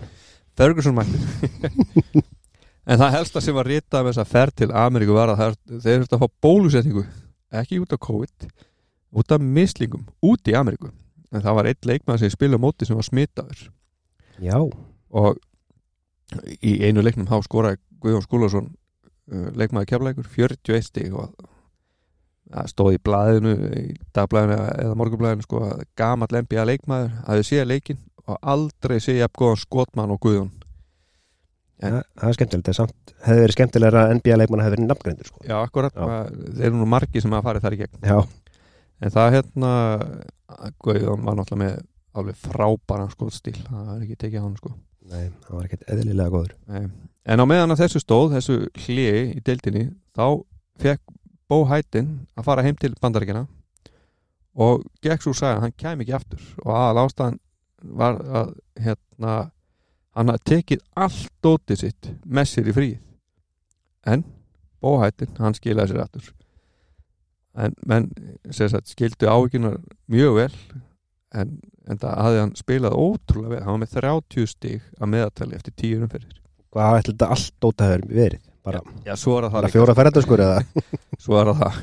Hvað, hvað hann er komið með sko. Já, já, En þegar tíu umfyrir voru búnar þá voru keflingar efstir í bjerili með 14 stig og greinda ekki öðru með 12 í er með 8 í þriðja Valur í fjórða með 6 og neðstir voru vinnur okkar í reynisangeri töpa öllu leikunum uh, Í bjerili við sagði bjerili á hann, það var aðrið fyrir ekki. Í bjerili var staðan njárvíking voru tablis og tóknum með 20 stig. Káur með 16 Haukar með 10 í þriða og eins og tindastóll og botninu var hérna Þórakurir annars voru reynismenn ekki langt frá sigri í tíundum þeir töpuð með 5 stigum átti ír. Og annað sem var þarna það var Ólaf Gottskálsson hann leik sér fyrsta leik með IPK keflaug og stóð sér nokkuð vel á móti Grindavík. Er unnu öruglega og, og Matíka hérna þjálfari hjá þeim, hún var hent út úr húsi í þeim leik Ætli Óli, gott að vera að æfa bara alla veturinn. Og stóttin er allir marki á skaganum og svo spila hann bara eitthvað nokkra leiki eða bara mættur okkur æfingar og bara farið í liðið og spilaði. Við þurfum að komast að þessu. Já, sko uh, Já, við komumst að því. Ég Já. held það. Já. uh, En þarna í njárgingar þeir töpuðu í 11 umfyrir fyrsta leiknum sínum. Það var Þór Akureyri sem að unnu þá og þetta var endar fyrsta skipti sem Þór vinnu njárgingi körbólta og það kemur fram hérna að Patrik Eiliport þjálfar og leikmannir og hann var sendur í styrtu eftir að fengi tvæ tæknulir röð. Og þeir voru í miklu villuvandar um alla leikin hérna njörgingar eins fekk Jón Skrippisson að fjúk út af eftir að mótmæla dóm. Og eh, önnur úslit þarna var finnst merkilegt að Keflæk skoraði 122 stig á móti IR sem skoraði 79 stig. Veist, svakalega tölur. Rúst. Uh, þeir töpuðu síðan öðru leiknum hérna nærgingar á móti KR 77-75 og það töpuðu síðan tveim leikjum í röð þarna, og tindastóll þeir vinna hauka 84-94 og sem var nú kannski ekki merkilegt nema hvað Valur Ingimundar hann skoraði 47 stíleiknum þar á 30 fyrráleik og Valur setur met þarna með að skora 11 þryggjastega korfur í sama leiknum sem að fer ekki í framlíkinu og hann með 53% nýtingu. Það er svakalega. Þetta er helviti vel gert. Held mér að segja að sé réttum að hann hafi bara verið eini íslendingurinn þetta árið sem að skoraði 40 stig í leik. Þó svo séu all nokkið góður að keppa hana en það hérna þegar keflingar í sömumferð tók á móti val og unnu 97-75 þá var það sem að helst að vara það var komið nýr bandaríkjamaður Sandy nokkur Andersson og hann gerði ekki annan að tróða í þessu leikvist og ég var nú svo heppin að hann þjálfaði mig. Og uh, nú er erfitt að útskýra fyrir hlustendur þú manst eftir hvernig körfuna voru í bjössal Já, já, já, já, það er svona það var þetta hækkaður upp á veggin jú, jú. og æfingarnar hjá okkur ég man nú ekki hvað flokki var ég held ég verið 14, 14, 15 ára hana það voru þannig að við sátum og horfðum að hann tróða og hann var alltaf að hækka körfunu ofar og ofar, hversu hátt að geta tróðið sko. Og svo uh, þurftu alltaf að sækja svona fimmleika dínur undir svo myndi ekki slass Slasið þegar hann lendi Já, Það var nú líka eitthvað saga í gangi hérna koma hann en skáulega hún er sko að að það væri bara hann og Clyde Drexler sem voru með eitthvað óulega stökkrætt sko. Getur stokkið nánast jafnhátt og tróðið eitthvað ákveðið hátt að kurfi og... já en, já, samt var hann ekki afla vik sko. Já, já, hann, hann, hún er þótt ekki leið að tróða Herra, síðan um miðan desember þá ákvað ákvað hérna Ingvar Jónsson að hætta sem uh, aðstofþjálfur hauka. Í kjölfara gengi hafi verið mjög slagt og Ingvar Jónsson hann er nú hérna, faðir Pétur Ingvars og Jón Arnars jú, hann er sem sagt afi Kára Jónssonar. Já, þannig að hann veit eitthvað um körfbalta þessi maður. Uh, Ólafur Rapsson tók við starfinu og þetta er bara sama kvöld og þeir eiga leika móti Káer og ekki nóg með það að yngvar hafi hætt og Ólafur komið hann inn. Þegar þeir eru með spilandi þjálfara þannig að, að aðstofa þjálfara hann er svolítið vega mikill þarna á þessum tíma. Að þá ákveður Jón Arnar Ingvarsson sonur Ingvars og einna betri mönnulísins að taka sér pásu frá körfólta fram með áramót. Og ég veit ekkit hvort að það hafi hérna eh, eitthvað með að hann hættir að gera með það sko eða í námi eða eitthvað sko, það kom ekkit fram. En mjög merkilegt að hann hætti bara alltaf að taka sér pásu í hálfa mánuð já, eitthvað að jafna sig á bara því að hérna, pappa sagði að vera að hætta. Já, það gæti verið sko. Já, en haukar höfðu tapað hann að sjö leikjum og voru langt frá að komast í úrslitkefni það voru bara fjölið sem fóru í úrslitkefni á þessum tíma sko. En uh, þessi leikur um að K.R. þeir átti aldrei breyk sko. Töpuðu 81-59 sko. Já, það var alveg búið sko. Þannig að þegar kemur að jólafrí þá er kefleik á tóknu með 20 22 stig og grinda ekki öðru seti með 20 og þannig að þau voru svona alveg örug með að komast í úsliti keppnina og Íringa voru með 12 stig Valur 12 stig og botninu voru reynir sængeri í Bjerili voru njæringar eftir með 26 stig að reynda eins og Káur sem voru öðru seti Haukari með 14 Tindastóll eh, með 14 og neðstu voru Þóra Akurir með 8 stig. Já. Þetta er eiginlega bara nokkur veginn komið þannig bara ekki? Það er mjög erfitt fyrir hinliðinar að ná í þessu. Jú, jú, það, það er bara þarna eru klárt að Njarvík og Káur og, og Tjaflæk og Grindavík fara í úsliti kemna sko svo, við vorum náttúrulega ekkert mann að útskýra það hvernig úrslitakefni væri það. Það er náttúrulega bara tvö efstu liðin sem að komast í úrslitakefnina Já, korriðli og korriðli og svo, og svona crossbil svo þarf þetta að vinna tvo leiki. Fóliki, og svo í úrslitunum er það þrý leikir. Já, þetta var fyr- fyrsta árið sem við þurftum að vera þrjá. Árið árið þurftum bara að vinna tvo leiki. Þannig að það var samtætt á þingi líka þarna með kununum og öllu því. Já, ok. Já. En síðan var nú ekki að alltaf ekki að haugunum ganga sko því að uh, í lók desember þá ákveður Pálma Sigursson að hætta að hérna, þjálfa haugana en hann ákveða að spila áfram með þeim. Og Torfi Magnússon svo gaman reynda að kempa hann tekur við liðinu. En, en Pálmar hafi gert hauka Íslandsmyndstöður tveimur árum áður ég haf búin að ákveða að endur skoða þessi málum áramótum ég hef ákveða að hætta sem þjálfari. Við yngvar byrjum í haust og samstarri gekk ekki. Ég held að þessi rétt ekki öðrum tækifæri segi Pálmar við morgunblæðið það voru bundna miklar vonir við haukaliðið haust en liðið hefur ekki náða að standa undir þeim nú verðum við bara að reyna að laga stöðunu og byrja upp á nýtt á nýja ári sagði Pálmar. Eftir að eftir að þeir eru sko tíu stöðum eftir og Njörg sko. Já, og það er líklega, hann segir hérna það er líklega seint að ná í úsleitakefna og markmið Nei, það er torfi fyrir ekki Það er líklega orðið að seint að ná í úsleitakefna og ta takmarki er að ná góðum árangur í byggakefni, sagði Torfi Magnússon. Já, hann, hann segist nú ekki geta gert neitt kraftaverka en hún er leist vel á starfi sko. já. Erum við að vinda okkur hvaðið krossaðins? Já, það Fyrst það eru komin áramót áður við förum í leikin eftir áramót.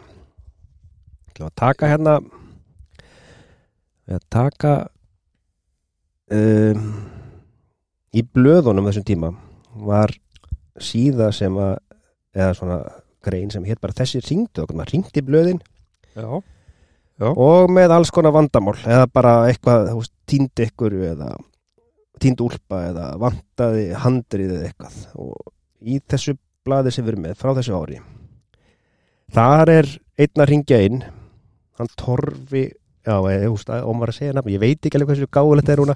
Nei, nei, við skulum ekki láðalega, segja- ok, ok já. En, en, en var eitthvað, eitthvað topic eða mátti bara ringin og því mér sýnist bara að fólk mátti ringin og segja bara hvað sem er því að þetta er eitthvað sem endist, eldist ekki vel sko. En ég ætla samt að lesa þetta, þetta þið getið bara fundið þetta og þetta er, var í þessu blaði. Á, ég að halla mér til flatt já, hvernig væri það? Það er sérst fyrirsögn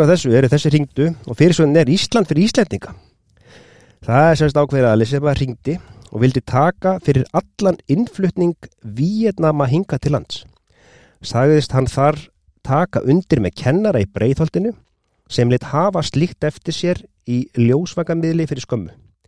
Hér er nóg atvinnuleysi fyrir þótt ekki bætist við þetta.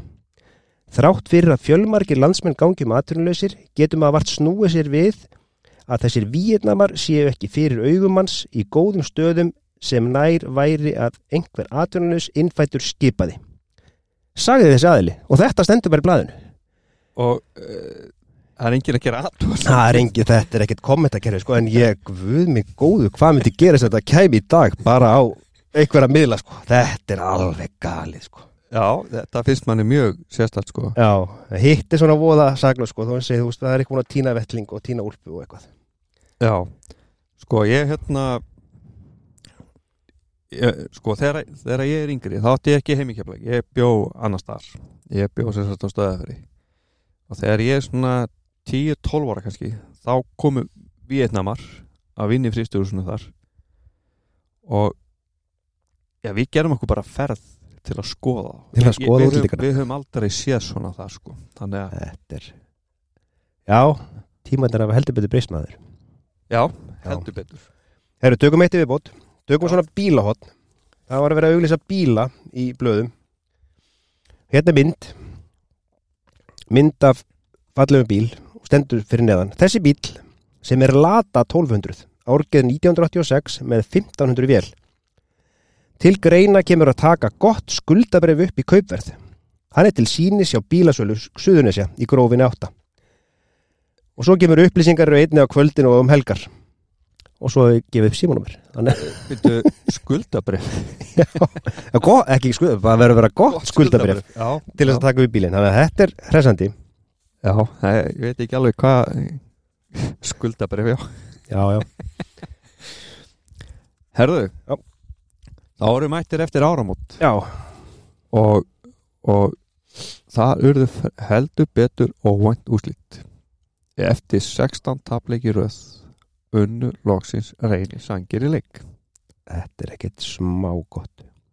og í DFF kom stór fyrirsögn sangiringar á Sigurbrönd Veit ekki alveg hversu löng þessi braut er en, en Nei, nei. þetta hljópar vel. Herra, þeir unnu val bara nokkuð samfærandi og öruglega 95-83 og það var nú ekki síst að þakka okkar manni Davík Greðsson sem að var loksins komið leifið Já, já. hann setti 47 stík og það kom einnig fram að valsmenn letu mótlæti fyrir töðun á sér og undir lokin var framkoma þeirra í gardómara barnaleg.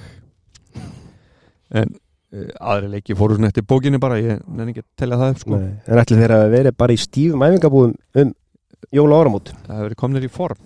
Ég, ég, ég, ég veit það, svo 20.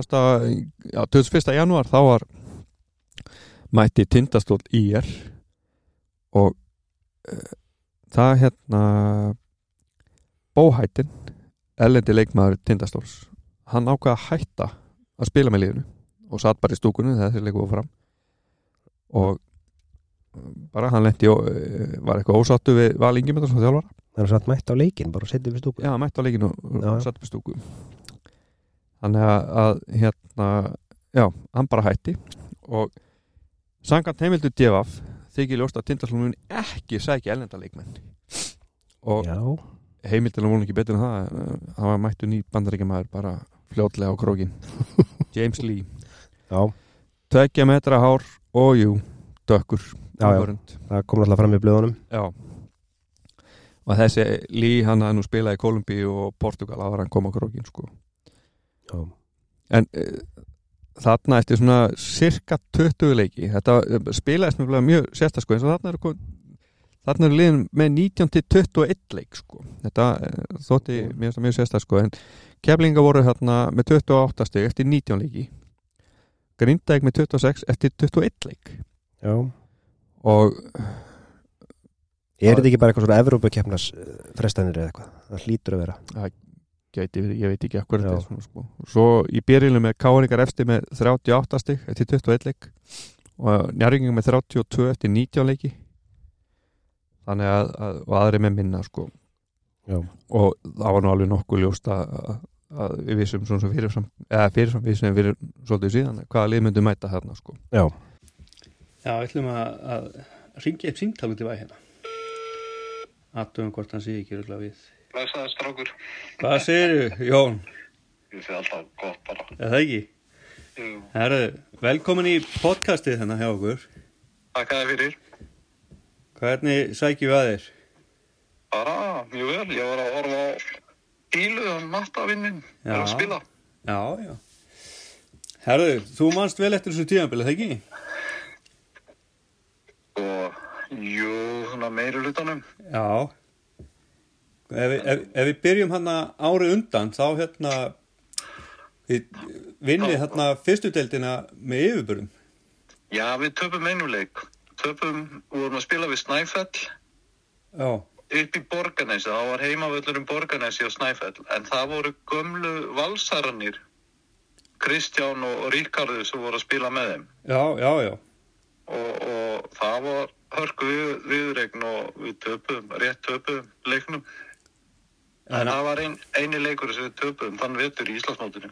ok, svo er bara hérna úrvast, eða fyrstu deildin, eða hérna úrvasteldin framundan E, já, og, og það hérna kom ekki til hugar að, styrkja liðinni til því fáið bara elenda leikmannin, Davík við, Grisson. fá, fáum Davík Grísson. Nei, það komur einar reyndar Elli Magg úr, úr Grindavík Já, og, og Einar Skarpjens frá haugunum. já, En það kom ekkert meira. nei, Annars voru við bara sumu, sumu strákanir.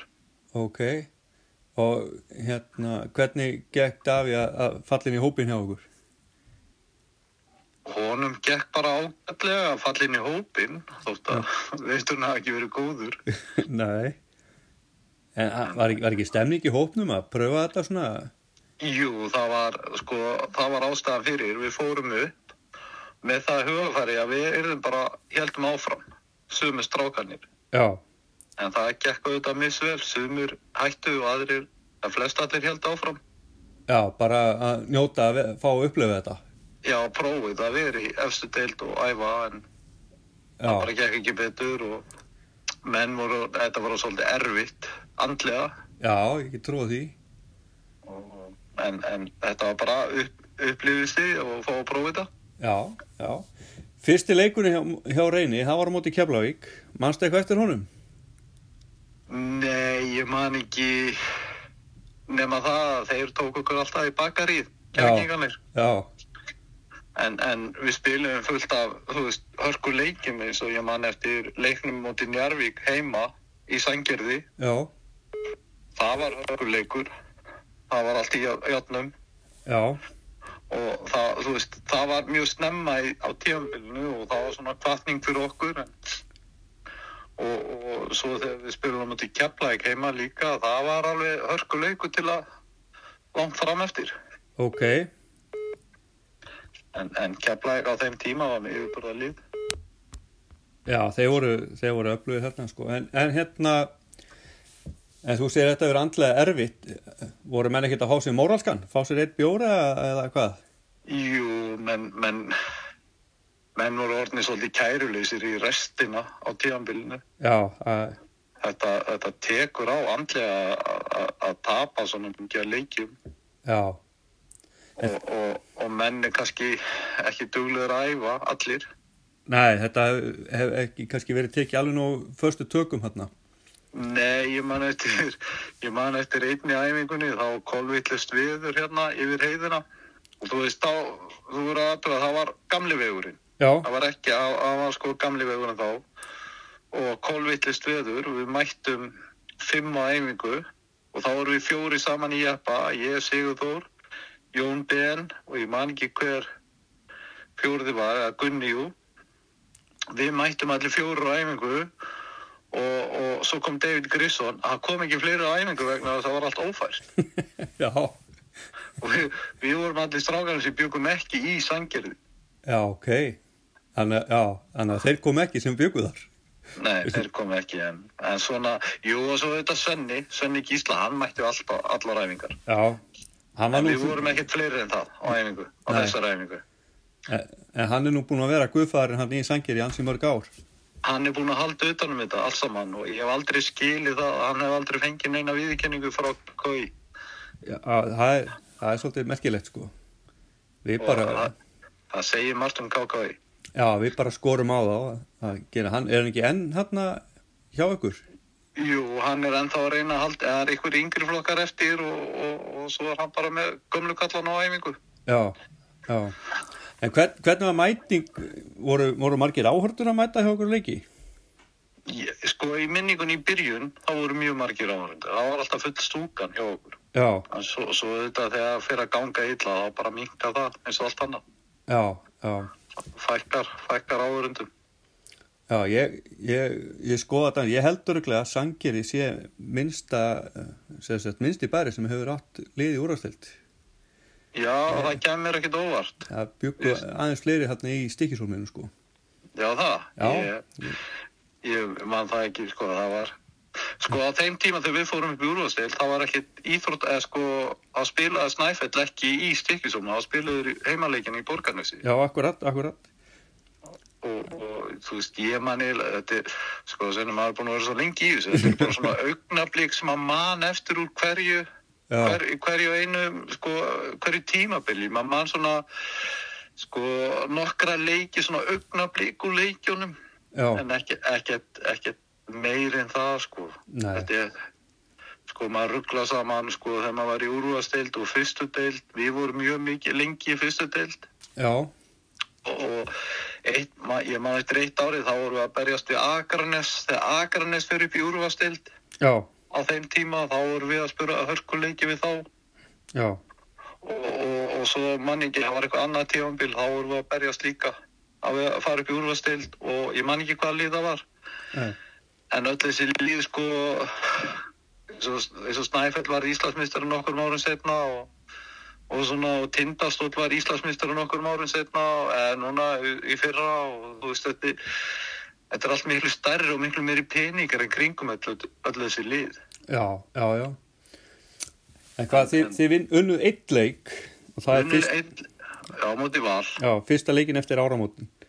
Þannig að, já, já það var fyrsti leikurinn, heima, heimaleikur á móti val já. Og ég las hérna um hann í blöðunum að, valsmenn litu hérna dómarinn að fara mikið í töðun á síð heimleik. Já, veistu hvað, á, á, ég- ef ég á að segja svo litið sem er erfitt að viðkenna Já, ég var stattur ellendist þá ok. Svo þess að ég get eiginlega ekkert sagt um hvernig valsarinu höfuðu sér en þetta, þetta, ég get alveg rétt því að valsarina var orðið reyðir. Já, ég get trú. Unnuðulega þú fórst ellendis. Já, ég, ég var að reyna að stinga upp á það, þeir myndi bjóða mig fleiri ferðir, Já. en þeir vildu það ekki. Nei. En hérna með, með framtíðina, heldur, heldur að, að reyni eftir að eiga lið eftir til aftur hitt hann? Ég bara held ekki. Ég, sko ekki nema bæri, bæjarfélagi takið sér saman og gera eitthvað. Já, Það er rosalega erfitt að halda einhver öðru út þarna en, en, en fótbolta. Það er bærir stiðu fótboltan já, mjög mikið í sangjörði já, en stiður eiginlega enga aðra íþrótt. ok, Þú veist, gólvöllurinn, þeir styrkja aðeins en ekkit meir en það. ok, En ég meina þeir voru með sunddeild, þeir voru með handbóltadeild. já, Svo bara lokna, loknaðast að- allt út á hægt og rólega. já, það er svolítið daburt. Hmm. Já, mér finnst það. Ég meina þegar við vinnum þarna fyrstdeildin og förum upp í úrvasteild, Já, þá þarna fá, fá allir eina rós frá bænum. Já, það, er eina. Já, og svo fer fótboltinn úr, ég man ekki fjórðu deild upp í þriðu deild, þá kemur allt innum fullt af peningum til þeirra. Já, já, þannig að áhugin hefur bara leiðið þar, greiðlega. Le- Áhugin liggur bara í fótboltanum. Já, Hann liggur hvergi annar staðar. Og, en, en hann var gott í kringu fótboltana. Ég er ekkert að setja út á hann þannilega að setja. nei, nei, það mætti bara auka, Hann mætti bæta við í aðrar íþróttir. já, og, og styðja við meira sko, eins og reyna að búa til yngri flokka, alveg yngri flokka í sængeri í, í öðrum íþróttum heldur en fótbolta. já, já, já, Sko ef við búum til einhvern flokk, strákaflokk í, í, í sængeri þá þarna, enda allir í fótboltan, það var eins og fótbolti vakni og reyna að plata alla strákana til sín. já, í staðin fyrir að gera þetta bara saman einhvern veginn. Já, staðan fyrir að vinna saman og þú veist að, að það er ekkit allir sem verða góður í fótbolta. Nei, nei, það er, þekki það mjög vel, takk fyrir að minna það. Já, ég þekki það sjálfur. Já, og, og, en þarna, og það eru fleiri íþróttir til heldur en fótbolti. Já, en, en þetta er bara stefnan og það er ekkert við því að gera. Nei, mm, ekki, ekki fyrir mig eða aðra þarna í kringum þetta. Nei, en ég veit ekki hvað ég veit ekki hvað komur að gera. Ég meina þetta var eins og síðast í veturinn sem ég þjálfaði. Þá þarna er alltaf einhvern flott trek í íþróttúsið það er svona ég kalla það þetta bumbu leikvimi fyrir kalla. Já, Svo allt henni bara fyrir úsið að leikin hjá okkur í annar deildinni þá vorum við bara með eitt þriðja stúkunu og restin var bara að setja undir flott þrek. já, þú meinar. Það Ég hefur, ég meina þegar þetta er bara að kíkja þannig þá sæði þetta. Já, þetta og, og þegar svoleiðs er hugsunin hjá bæjarfélaginu þá er þetta rosalega erfi. já, það hamla svolítið Það hamla svolítið mikið. og er svona svolítið létandi, létjandi fyrir þá sem er að, er að standa í þessu. Já, það er það. Þetta tekur, þú veist, tekur mikið á og oft kom ekki inn peningar sem átt að koma inn. Já, Svoleiðis að er svolítið. Mér finnst það bara frábært hvað Svenni endist í þessu. já, Ha, það er bara Hvað með, var, hvað var að rembast? með ólíkindum sko. Já, og er ennþá að, að, að, reyna að sinna þessu. Já, Og Við- það áhugið mikið. við bara þurfum að, að hvetja sangeringa og KKI til að veita um almjöla viðurkenningu og köruboltanum í sangeri. Já, mér finnst það, sko, eins og þú segir, minnsta bæjarfélagi í landinu og svo erum við með öll þessi risafélög í kringu þá, þú veist, Keflæk, Njarvík, Grindavík. Já, já, já, og, og að lítið til að peningum, þú veist, stó, þessi stóru fyrirtæki, þau eru öll til í að styrkja, sko, starri, fyr, starri liðin, maður skilur það alveg, ég myndi líka að gera það, já, en, en hann að rembast og djöblast og við sko áður en þessi útlendinga útlendingaflóði byrjaði þá vorum við alltaf í fyrstildinu og það var bara gaman. Já, vorum ekkert að, rem, vorum ekkert að rembast við neitt meira. Nei, það bara, en, en svo þegar allir þessi útlendingar komum þá þá var ekki bara til peningu fyrir því. Nei, þá það maður orðið mikið nöyr. Mm. já þú veist, og, þú veist alveg hvað einn útlendingu kostar og Já, já, og svona lítið félag eh, ég, við bara ráðum ekki við þetta nei. Já, herðu Jón, yes, við þökkum kjallaði fyrir þetta. Hmm. það var lítið uh, Við tölum um það leik já. Svo, Hva- Hvað hér? Það var eitthvað á úrvalsleikur já, það var eitthvað svona einhver görbalta háti sko. Nefnir hvað að í loki janúar þá fór fram stjörnuleikurinn fram á Söðakröki Já, og það var að því að það var 25 frá að meistra okkur Tindars og spilaði sem fyrsta leik það var áhörður í Ísldósson og Söðakröki sem völdu úrvarsliðið sem átti að spila motið Tindastól. Já, það hefur væntalega verið bara miðilátt í ganga sko. Já, allir það ekki bara.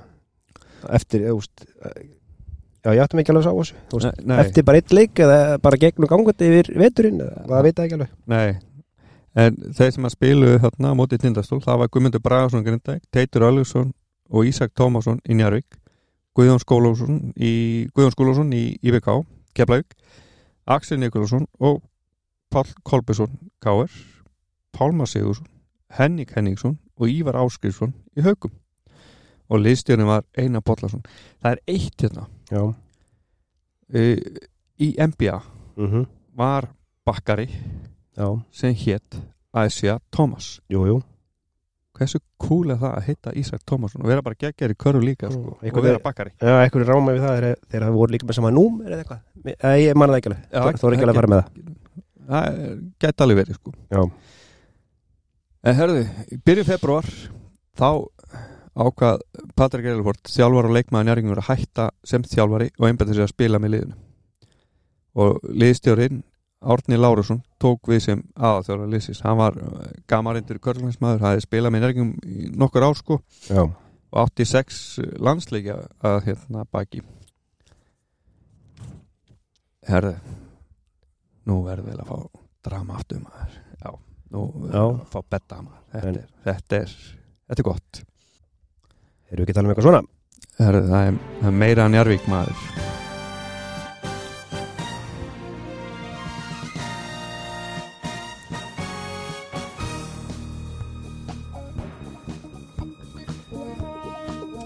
Meiri dramatík, Jó, nú þarftu bara að chilla. Sperra eirun herðu Hilmar Hafstesson, fyrirvændi þjálfari og njárgjúr kom í vittal í TFF og fyrirsögni var við getum ekki tryggt öryggi þessar dómara á suðunisum mikil óhana með framistöðu dómara í korruboltanum á suðunisum og Hilmar Hafsteins fyrir þá sem ekki vita, hann var svona hann var gamall í hettunni hann í Njárvík búin að gegna held ég helstu hlutverkum hann í Njárvíkunum en viðtali þá byrja bara svona vægt að, að ræða um eh, hvernig gengil í deildinni og hvernig þetta myndi spilast úslita keppni og svo, seint, og svo leiðis í setni hlutanum þá spyr blaðmaðurinn hvernig hundist domgæslan verið í vettur í körpaltanum og Hilma svarar domgæslan hefur verið misjöfn og það er til ágæti dómar í deildinni þeir fá kannski oflitla gaggrinni Það er að koma upp ungi dómarar sem hafa tekið miklu framförum. Það má nefna Leif Garðarsson, Kristján Möller, Kristinn Óskarsson og Helga Bragarsson. Það er hins vegar alvarlegt mál í gangi. Eitt dómarinn, Kristinn Albersson, sem hefur leiðst út af þá hálubraut að vilja hafa áhrif á úslitleikja áður en hann kemur til leiks. Það er engilegt að hann raða sig jafnframt á eh, leiki káir þegar að þeir eru að leiki ekki sterkara liðum í dildinni. Nýjasta dæm, dæmið er frá leik Káir og Keflavíkur. Þar beitt hann ákveðin taktík að leifa Káringum að leika grólega og öll vafatin, vafatarinn dæmdi hann Kári hag. og þetta er náttúrulega njárvíkingur að tala Já, já, hérna hér maður. Þegar Káringar voru hins vegar búnir að ná ákveðinu fórskoti, fór hann að dæma meira þá. Mér er kunnut um að ákveðin dómari hafi neitað að dæma með Kristni í vetur. Þá hefur Kristin líst því á almannafæri og honum sé illa við njárvíkulíðið. Já, hérna hér ger ég að tilhugum minni að hann hætti að dæma hjá Njarvík. Það er hægt að raukstiða þessi orð á marganhátt. Það eru tengsl á milli hans og leikmanna og þjálfaraliðsins og stundum er maður alveg gáttaður yfir því hver dólsklega þjálfara káir fær að haga sér á bekknum án þess að fá áminningu. Þetta sé á allir sem fylgjast með. Ég vil taka það skýrt fram að ég veit að Kristi getur dæmt vel og hefur aflað sér mikil, mikill að kunnáttu en það er greinilega eitthvað að hjá honum. Ok, Já, þetta er gott, þetta er gott. Ég tel að hann ætti að draga í hlið til vorsins. Þá getur hann hug, hugsað sinn gang og náð áttum. Suðnesa menn er hann þreytir á þessu og maður getur ekki orða bundis lengur stjórn, KKI og dómaranemnd ætti að aðtúa þessi mál. Það ríkir mikil olga hér vegna þessa máls og forráman félagana hér get ekki lengur tryggt öryggi þessar dómara sagði Hilmar að lokum. Já, þetta er ekkert smá. Sko ég, hérna það kom ekkert frá hann talar um suðunisum Já, já. Það kom ekkert frá Keflavík, Grindavík eða Sangeri Nei. hvað var það, Kristinn en ég fór aðeins að skoða þetta og, og þessi leiki sem að hann tala um móti efstu liðunum það Já. er þá móti Njarvík, Keflavík og Grindavík Já, já og hann dæmir hérna Njarvík hérna K.R. það sem að Njarvík vinnur 96-66 Það er náttúrulega bara rúst Það er ekkert þetta komum við fyrir það. Nei, Njarvík vinnur sko Já, ég er að segja það, hann getur ekkert hjálpaði með svona mörgsti sko. Nei, nei, þú meina það já. Já, Þú er sammála Hilmari sem sagt. já, já, njárvíkingnum, auðvitað Ha, Síðan dæmir hann aftur Njarvík og Káir þar sem að hérna, Káir vinnur 77-75 Já, Síðan Grindavík Káir, þar vinnur Káir já, og síðan IBK Nei, Keflavík og Káir og þar vinnur Káir mhm. Síðan eru þrýraðri leikir þar sem að þessi kom að og, og hérna hann dæmir ekki þá leiki sko. Nei, þannig að þannig að það er bara fyrsti leikurinn sem er rúst. Já, svo, Svo bara er þetta allt jæmt og, og káar vinnur. Já. Já, já, en þetta var nú ekki búið sko. Nei, það var viðtalið Gunnar Gunnarsson formann Körnstættan Erikur vegna sama dómara. Við munum skrifa bref til KKÍ þar sem við óskuð þess að Kristinn Albersson dæm ekki fleiri leiki hjá okkur úrvarsleitinni eftir leik Njarvíkinga og Grindvíkinga í byggakefni KKÍ í Njarvík hann sagði þetta eftir, byggaleikin Já, Já, eftir ok. byggalín það, sko, Til harðara orð- orðskipta komið milli Kristins og Hilmar Hafstjóðssona fyrir um formann Körglandsteldanjörgur eftir leikin og eftir þá orðaðri ákveðnjörgingar að fara þess formulega leit við KKI að Kristin myndi ekki dæma fyrir leiki. Kristin hefur sínt það marg gott að hann hefur verið sjötti maður liði káir þegar að dæmi leiki á liðinu og honum tókst að koma okkur út úr úsleikefni fyrra og keflingar væru, ekki Íslandsmeistar í dag ef hann hefur fengið að dæma úrstættaleik keflækur og káir í fyrra segir Hilmar Hafsteins um morgunblæði Já, það er ekkert annað það er, spólum aðeins tilbaka. Já, hann nefnilega segir hérna eftir leik Njarvík og Grindavíkur. Mm, og hann er alltaf að draga káir inn í þetta líka sko. hann sjöpti maður hjá káir þegar dæmi leiki sko. Hann var reynda búin að taka fram að hann, hún var illa við Sviðinselin það ekki? Já, Njarvíkinga, Já. hann sagt á almannafæri. Já, herru Kristinn Albertsson fekk nú að svara fyrir sig. Já. og fyrirsögni var ætla mér að dæma áfram. Bara í blöðunum? Já. Já, já, er ósáttu við ummali Hilmars Hafsteinssonar. Ég trúi því ekki að Hilmar mæli fyrir mun annara lið á suðunisum hvað var þar öryggi dómar á leikjum suðu með sjó. En ef þetta sem hann segir er rétt verðum við að gera viðlítandi ráðstafanir. Ef menn panta sér dómar á leiki þá er konar hálan ís segir Kristinn ég veit að fyrir víst að enginn af þeim dómarum sem dæmi úrústilt í vetur hafa neita að dæma leiki með mér. Og það segja að ég hafi áhrif á ústillleikja áður í kem til leiks er hreinast að fyrra og ekki svara verst. Ég er einn af þreymur dómarum sem starfa í dómarnefndinni og það er okkar hlutverk að raða dómarum á leikin og nefndin raða mér ekkert meira á Káer eða Njarvík. Eins og Hilmar réttilega bendir á er ég einn af reyndistu dómarum sem dæmi úrastöldinni og þar að leiðandi kemur oftar í minn hlut að dæma stórleiki á skiljanlegum ástæðum. Ég á einn góðan kunningi káliðinu og mér er engi launung á því en það hefur engin áhrif þegar ég dæmi leiki káringa. Ég get alls ekki séð hvaða hagsmunni ég ætti að hafa svo ég verði tilbúin að leggja dómaraferil minna veði. Ég þekki marga leikmenn í úrstættinni og er vel málkunni um mörgum þeirra. Þetta er lítið þjóðfélag það sem margir þekkjast og að segja að ég get ekki dæmt leiki hjá káir vegna tengsla minna við leikmennliðsins á ekki verið auka stiðast. Ég get nefnt dæmi með Axel Nikolásson sem hefur leikið með keflingum undafarin ár en núna leikur með káir. Ættu dómara frá keflæk ekki að dæma leiki í káir. Ég starfa hjá KKI sem gjaldkeri og þar að leiðandi þarf ég að hafa samskipti við landslýþjálfaran og þjálfara káir Laslo Nemeth. Mástu hann var líka landslýþjálfari sko? jú, jú, akkurat Og enn segi Hilmar að ég get ekki dæmt leiki á káir vegna tengsla minna við þjálfara félagsins. Einu samskipti okkar Laslo er í gegnum landslýsmál í körgnalling. Dómgæslan hefur mitt áhuga mál. Ég hef gaman að því að dæma og meðan mig tekst að finna ljósi í miskunni mun ég halda áfram. Margir dómar að hafa hætt að dæma og reynilega verið hrætti frá vegna ósangjarnlega dóma í fjölmjölum og ekki batnara þegar menn eins og Hilmar Hafstein bera svona ósand á borð. Íslenski dómar hafa áallt fengið góða dóma þegar hafa farið að dæma elendis. Ég talum og talum að ég og aðri dómara séu hlutregn er ekki rétt. Ég tel að leikmenn og þjálfara vera lítið eigin barm áður sketta skuldin á dómarana. Það eru konið miklu peningar í spili síðan ellendi leikmenni komið sögu og pressan í því mikil og félagurum að ná góðum árangri. Því eru pressan enn meira á dómarum og þegar illa gengur í liðunum sem kosta hafa til miklu fjö er auðveldara að hengja dómaran Þe- Þetta er rosalegt.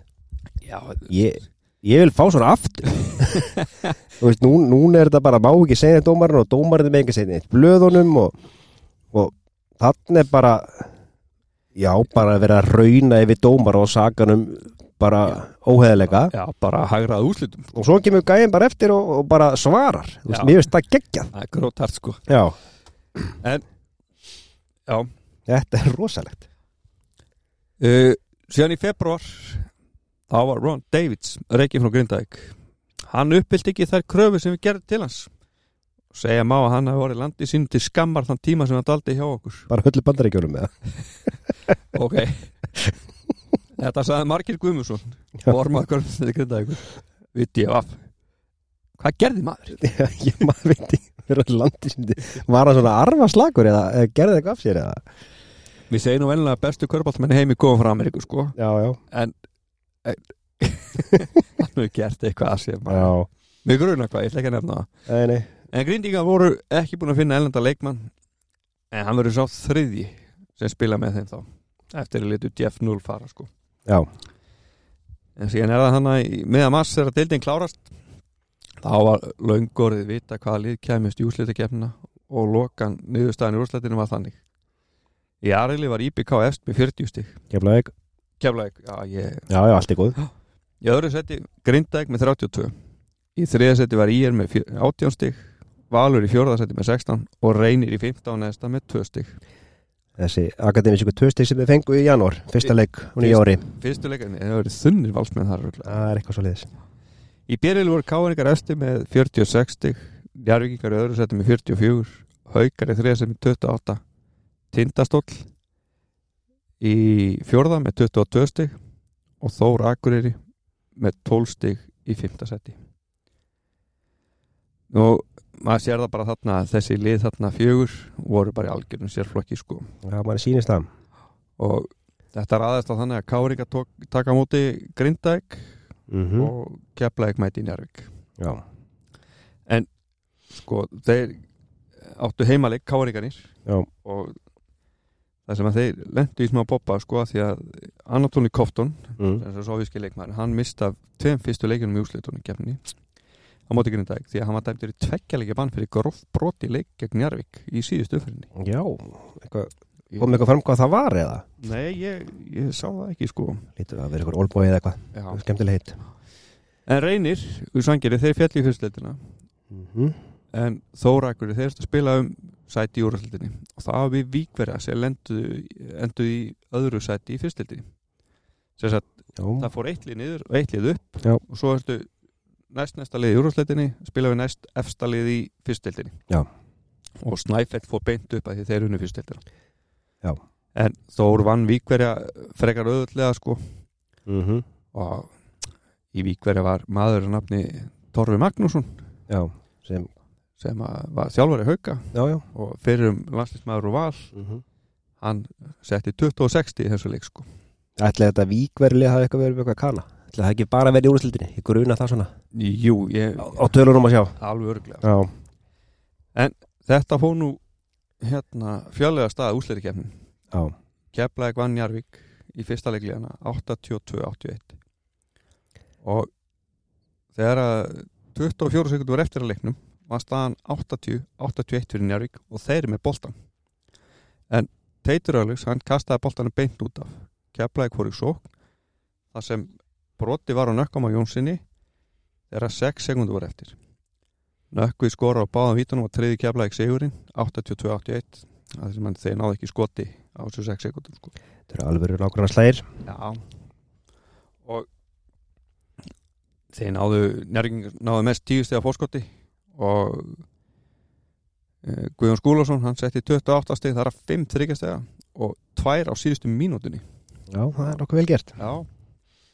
Uh, Káringar unnu grindjúinga í fyrsta leiknum 75-70 án þess að hafa Kottón með. Og uh, það sem að maður má segja Þósarinn, Birgir Mikalsson skoraði 30 stig. Já, já, ekki þósarinn uh, hann er að, að hérna þeir áttu svo sem ekki áttu ekki sen sko káaríkar þó uh, var mjótt á munum þá hérna var þetta svona frekar örugt Já, Já. þannig að staðan er 1-0 fyrir Keflæk og 1-0 fyrir Káar eftir fyrstu leikina. Já, og síðan fór það þannig að Káar vann Grindæk og fór í úslit sko. Já, ok. Og, og hérna njárvingingar, þeir unnu keflinga í öðru leikliðana og Já. þannig að það þurfti bara að reyna úrslita leik Og nokkuð öruglega sínist mér bara. Já, 96-83 Já, og það var náttúrulega mjög mikil spenna fyrir þriðareikin mhm. Hvort liðið myndi mæta Káar í, í úrslitaðimi um Íslandsmeistaratitilin og keflingar þeir segur eftir tví framnættaleik það sem afar undvitt atvik átti sér stað þegar tíu sekundur eftir. Jú, jú. Því á þessum tíma þá sko uh, þau var sko í bónus eftir fimm villur þá voru bónusvítarskotin annarkort eitt og eitt skott sem þýtti þannig að þú ert að hitt úr fyrra til að fá setna skottið mhm. Ef þú klikkar þá fjastu bara hvort eða þú gast líka valið að taka innkast. Og fara þá bara í sókn. Og fara bara í svo Já. þannig að þú, þú gast annarkort valið eitt og eitt vítaskott eða taka Já. og uh, DFF það lýsir atvikinu svona. Umdelt akt kom upp þegar tíu sekundur voru til leiksloka og staðan 73-71 njárgingum í vil. Og þeir með boltan þá er broti og Ísaki Tómasinni og njárgingum báðu leikli höfðu síðan hefja leikin að nýju með innkasti en annar dómarileiksins hver heldur?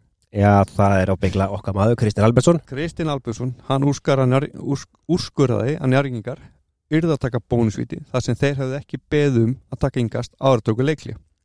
Þannig að í staði fyrir að fá boltar inn og geta bara leikið sér ykkur tíu sekundur látið fjara út, þá verða það að taka víti Það verðar að taka víti sko. Já. Og Ísak hann hittu fyrir vítunum og klúraði setna. Þannig að kemlinga brunnu upp og, og Guðjón Skúlusson, hann jafnaði meti með glæslugu þykistæðskoti sko. Já. Þannig að það verður að framlíka leikin 74-74 og fyrir þess að framlíkin hann gekk ykkur erfilega að skora þeir skoruðu sikkur að körfuna og því þurft að framlíkja aftur og það endaði með því að keflingar segruðu 88-86 Já. þetta er rosalegu leikur. Þetta var svakalegt.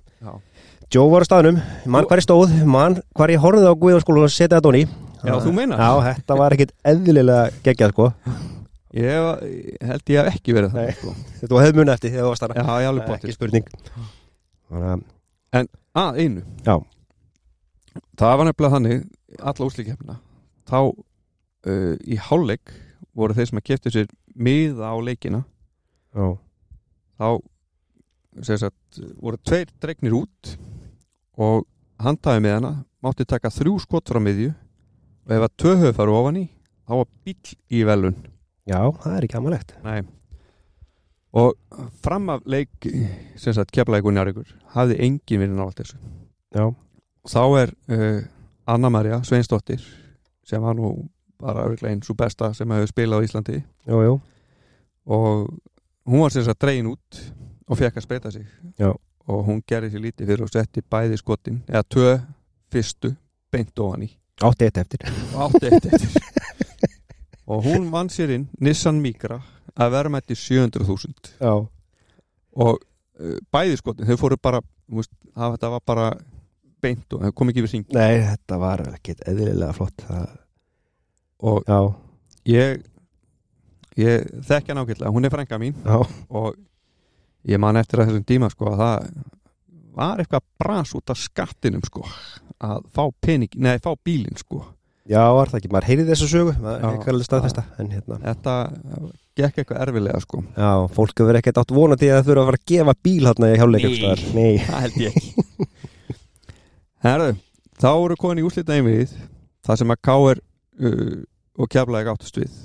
Og það er skemmst frá því að segja ykkar þeir unnu fyrsta leikin nokkuð samfærandi 81-72 já, og þetta var aldrei hættu sko. Og annar leikurinn í Keflavík hann var nú sögulegu fyrir þess ekki. Þetta fyrst sem K.R. sigrar í Keflavík í fimm ár. Já, en leikur endaði 71-75 og þeir voru yfir allan tíman Keflækna var minga munni í tvö stegi í lokin en þetta er einnig sterkar á lokunum sko.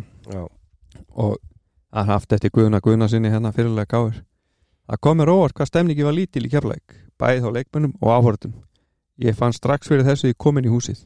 Við höfum ekki sigrað í í fimm ár og sigur enn sætari fyrir vikið. Við leikum betur en keflingar en kannski var það vatni sem gerir gæðum minni sagði Guðni Guðnason fyrir káður um morgublaðið en káðingar tóku með sér vatn og vesturbænum. Auðvitað gerir maður það bara. Þannig að þeim líka er vatnið illa ekki að já, ok, ok, ok, ok. Ekkert mál. Já, já. en, Það virkaði greinilega. Já, virkaði ekki Já. alveg, sko. Og síðan e, bara, já, káðingar urðu síðan Íslandfættara með því að segja að kefla ekki þrjáleikliðana já, og uh, unnu hann að þrjáleiki röð. Og þeir Mhm. áttu aldrei möguleika í bara neinum að leikjunum held ég. Nei Það er náttúrulega svona, og þetta var fyrst Íslandsmeistari titil í 11 ári Vesturbæin Já. og þeir töpuðu bara tveim leikjum alla viturinn sko. Já. Það var, já, það var náttúrulega bara allt Já, í deildinu, un, unnu hérna. Í deildinni sko. Já. en það hérna síðan var náttúrulega haldið veglegt lokahóf það var alltaf á þessum tíma. Já. og það sem að nækli var valið það sem að Pátt Kolbesson í Káver og Guðjón Skúlason í Keflavík Valur Ingimundarsson í Tindastól Teitur Ölusson í Njarvík og Guðmundur Bragason í Grindavík voru valdir. Mm og Chris uh, Bennats var stega hættur úrstættinni Guðjón Skúlason besta vítaskittan það er bara öll velum vitt Já, já, já. Dan Kennar tók flest frákvöstun og Friðrik Rúnarsson prúðastur. Hvernig er það? Ég held hvernig það valið, þú veist? Eftir að Njarvík er búið að drulli við dómarna í alla vetur. og Laslo Nemit hann var valin þjálfar ásins og Jón Ótti Ólafsson besti dómari. Kristján Möllin var sá dómari sem var hérna, síndi mest í framför og Marel Guðlaugsson og Grindavík besti nýliðin. Já. Er- þar með bara Þá er bara, yfirfyrinni lokið þetta tíabil já, deildin lokið Og hérna Ég er að bæla með eitt núna. Já. Ég ætla að hérna, henda Hérna Smá tónlist í gang. Svona stuðtólist Þessu hérna kannski bara Er það ekki gott eða? Þetta er kekjað Uh, nú ætlum ég að koma eitthvað sem að heita hjá okkur Óskarspunktar. Og ég gruna það Er það Óskar Ófegur? að er Óskar Ófegur Já. ég gruna það. Að allir köruboltamenn á Íslandi viti hver Óskar Ófegur er. Já, hann er búin að senda okkur svona nokkra tölfræðapunkta frá þessu tímabili. Þannig ég ætla bara að fara í gegnum þá. Uh, þetta tímabil var K.R. fyrstaði til að vinna úrslitað inn við 3-0 og fara í 5-0 í gegnum úrslitakefna þar er ég að tapa ekki leik við náttúrulega vorum að klára að ræða það já, Guðjón Skúlason skoraði 25,8 stig í leik að meðaltali með Keflavík og var stigahæsti íslenski leikmaðurinn að meðaltali. Já. Hann skoraði aldrei meira að meðaltali en á þessu tímbili, á öllum ferlinum. ok Þannig að hann hefur oft gott tímbil. Já, Uh, Anatoli Koftum frá hérna uh, hann séði við úkrænski hann, Er hann búin að uppfæra þetta yfir í Nei, sko, þarna eh, er Úkræn að hluta Sótaríkjum Já, já, já. hann, að, að, hann er frá Úkrænu, Hann er mitt sérst, á ukrainski frammerinn, hann er 206 cm hæð, hann hitti úr 51% af þryggjastæðskotum sínum á tímabilinu. 27 af 53 og var með meir en einn þrist að meðal til leik. Koftum var með einu þrennu tímabilsins og það með því að skora 28 stig, taka 11 frákost og stela 10 boltum í sigri á val í lok oktober. Já, það er vel gert Vel gert maður. Svo kom annar punktur í Koftum. Hann stál 73 boltum á tímabilinu eða 2,8 í leik. En það var ekki byrjað að telja varin skota þessi tímabili. En það er ekki svolítið sérstakt. Jú, maður myndi halda það, það ætti bara að vera Já, bara þegar kanandi koma, hver er að blokka? Já, Uh, Íeringurinn Karl Guðlaugsson skoraði 15 þryggjastega körfur í fyrstu þremur leikjum þrátt fyrir að vera 0 af 12 í einum leikjana. Hann skoraði 8 af 14 á móti reyni sangeri í leik 1, 7 af 17 á móti Keflavík í leik 3. já, Þannig að þetta er basically bara í tveim leikjum. já. Og svo lókum Einar Einarsson, hann gaf 16 stóðsendingar í leik Keflavíkur á móti Þór Akureyri í oktober. En hann tók bara 8 skot í leiknum og var því með tvær stóðsendingar á hverja, nei, jú, tvær stóðsendingar á hverja stóðsendingu í leiknum. Þetta er eitthvað skrítið orðað, já. Já.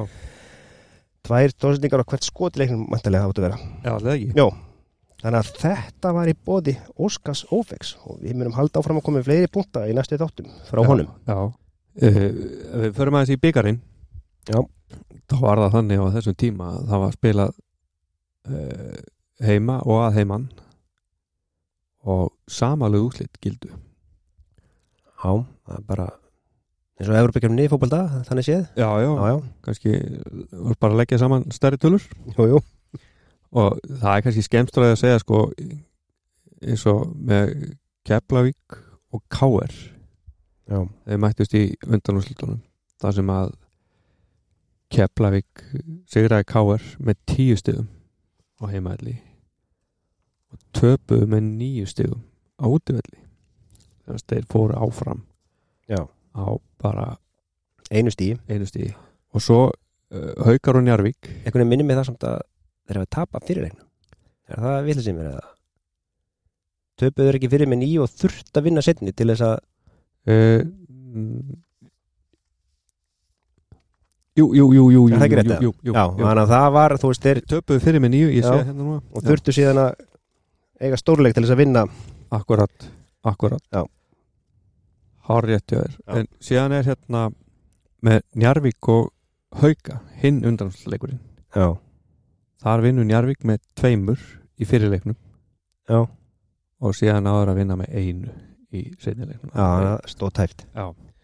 Já. Þannig að það var Keflæk og Njarvík sem að leku til úslita Já, og það er kannski skemmstræði að segja að Njarvíkingar eru byggamestarar það sem að þeir uh, segriðu keflingar 94-84 já, og, og þar með unnu þeir byggarinn fjórðað ári í röð. Það er bara vel gert sko. Nokkuð vel gert. Mm. uh, Relefort, Patrik Relefort hann skoraði 26 stig sko.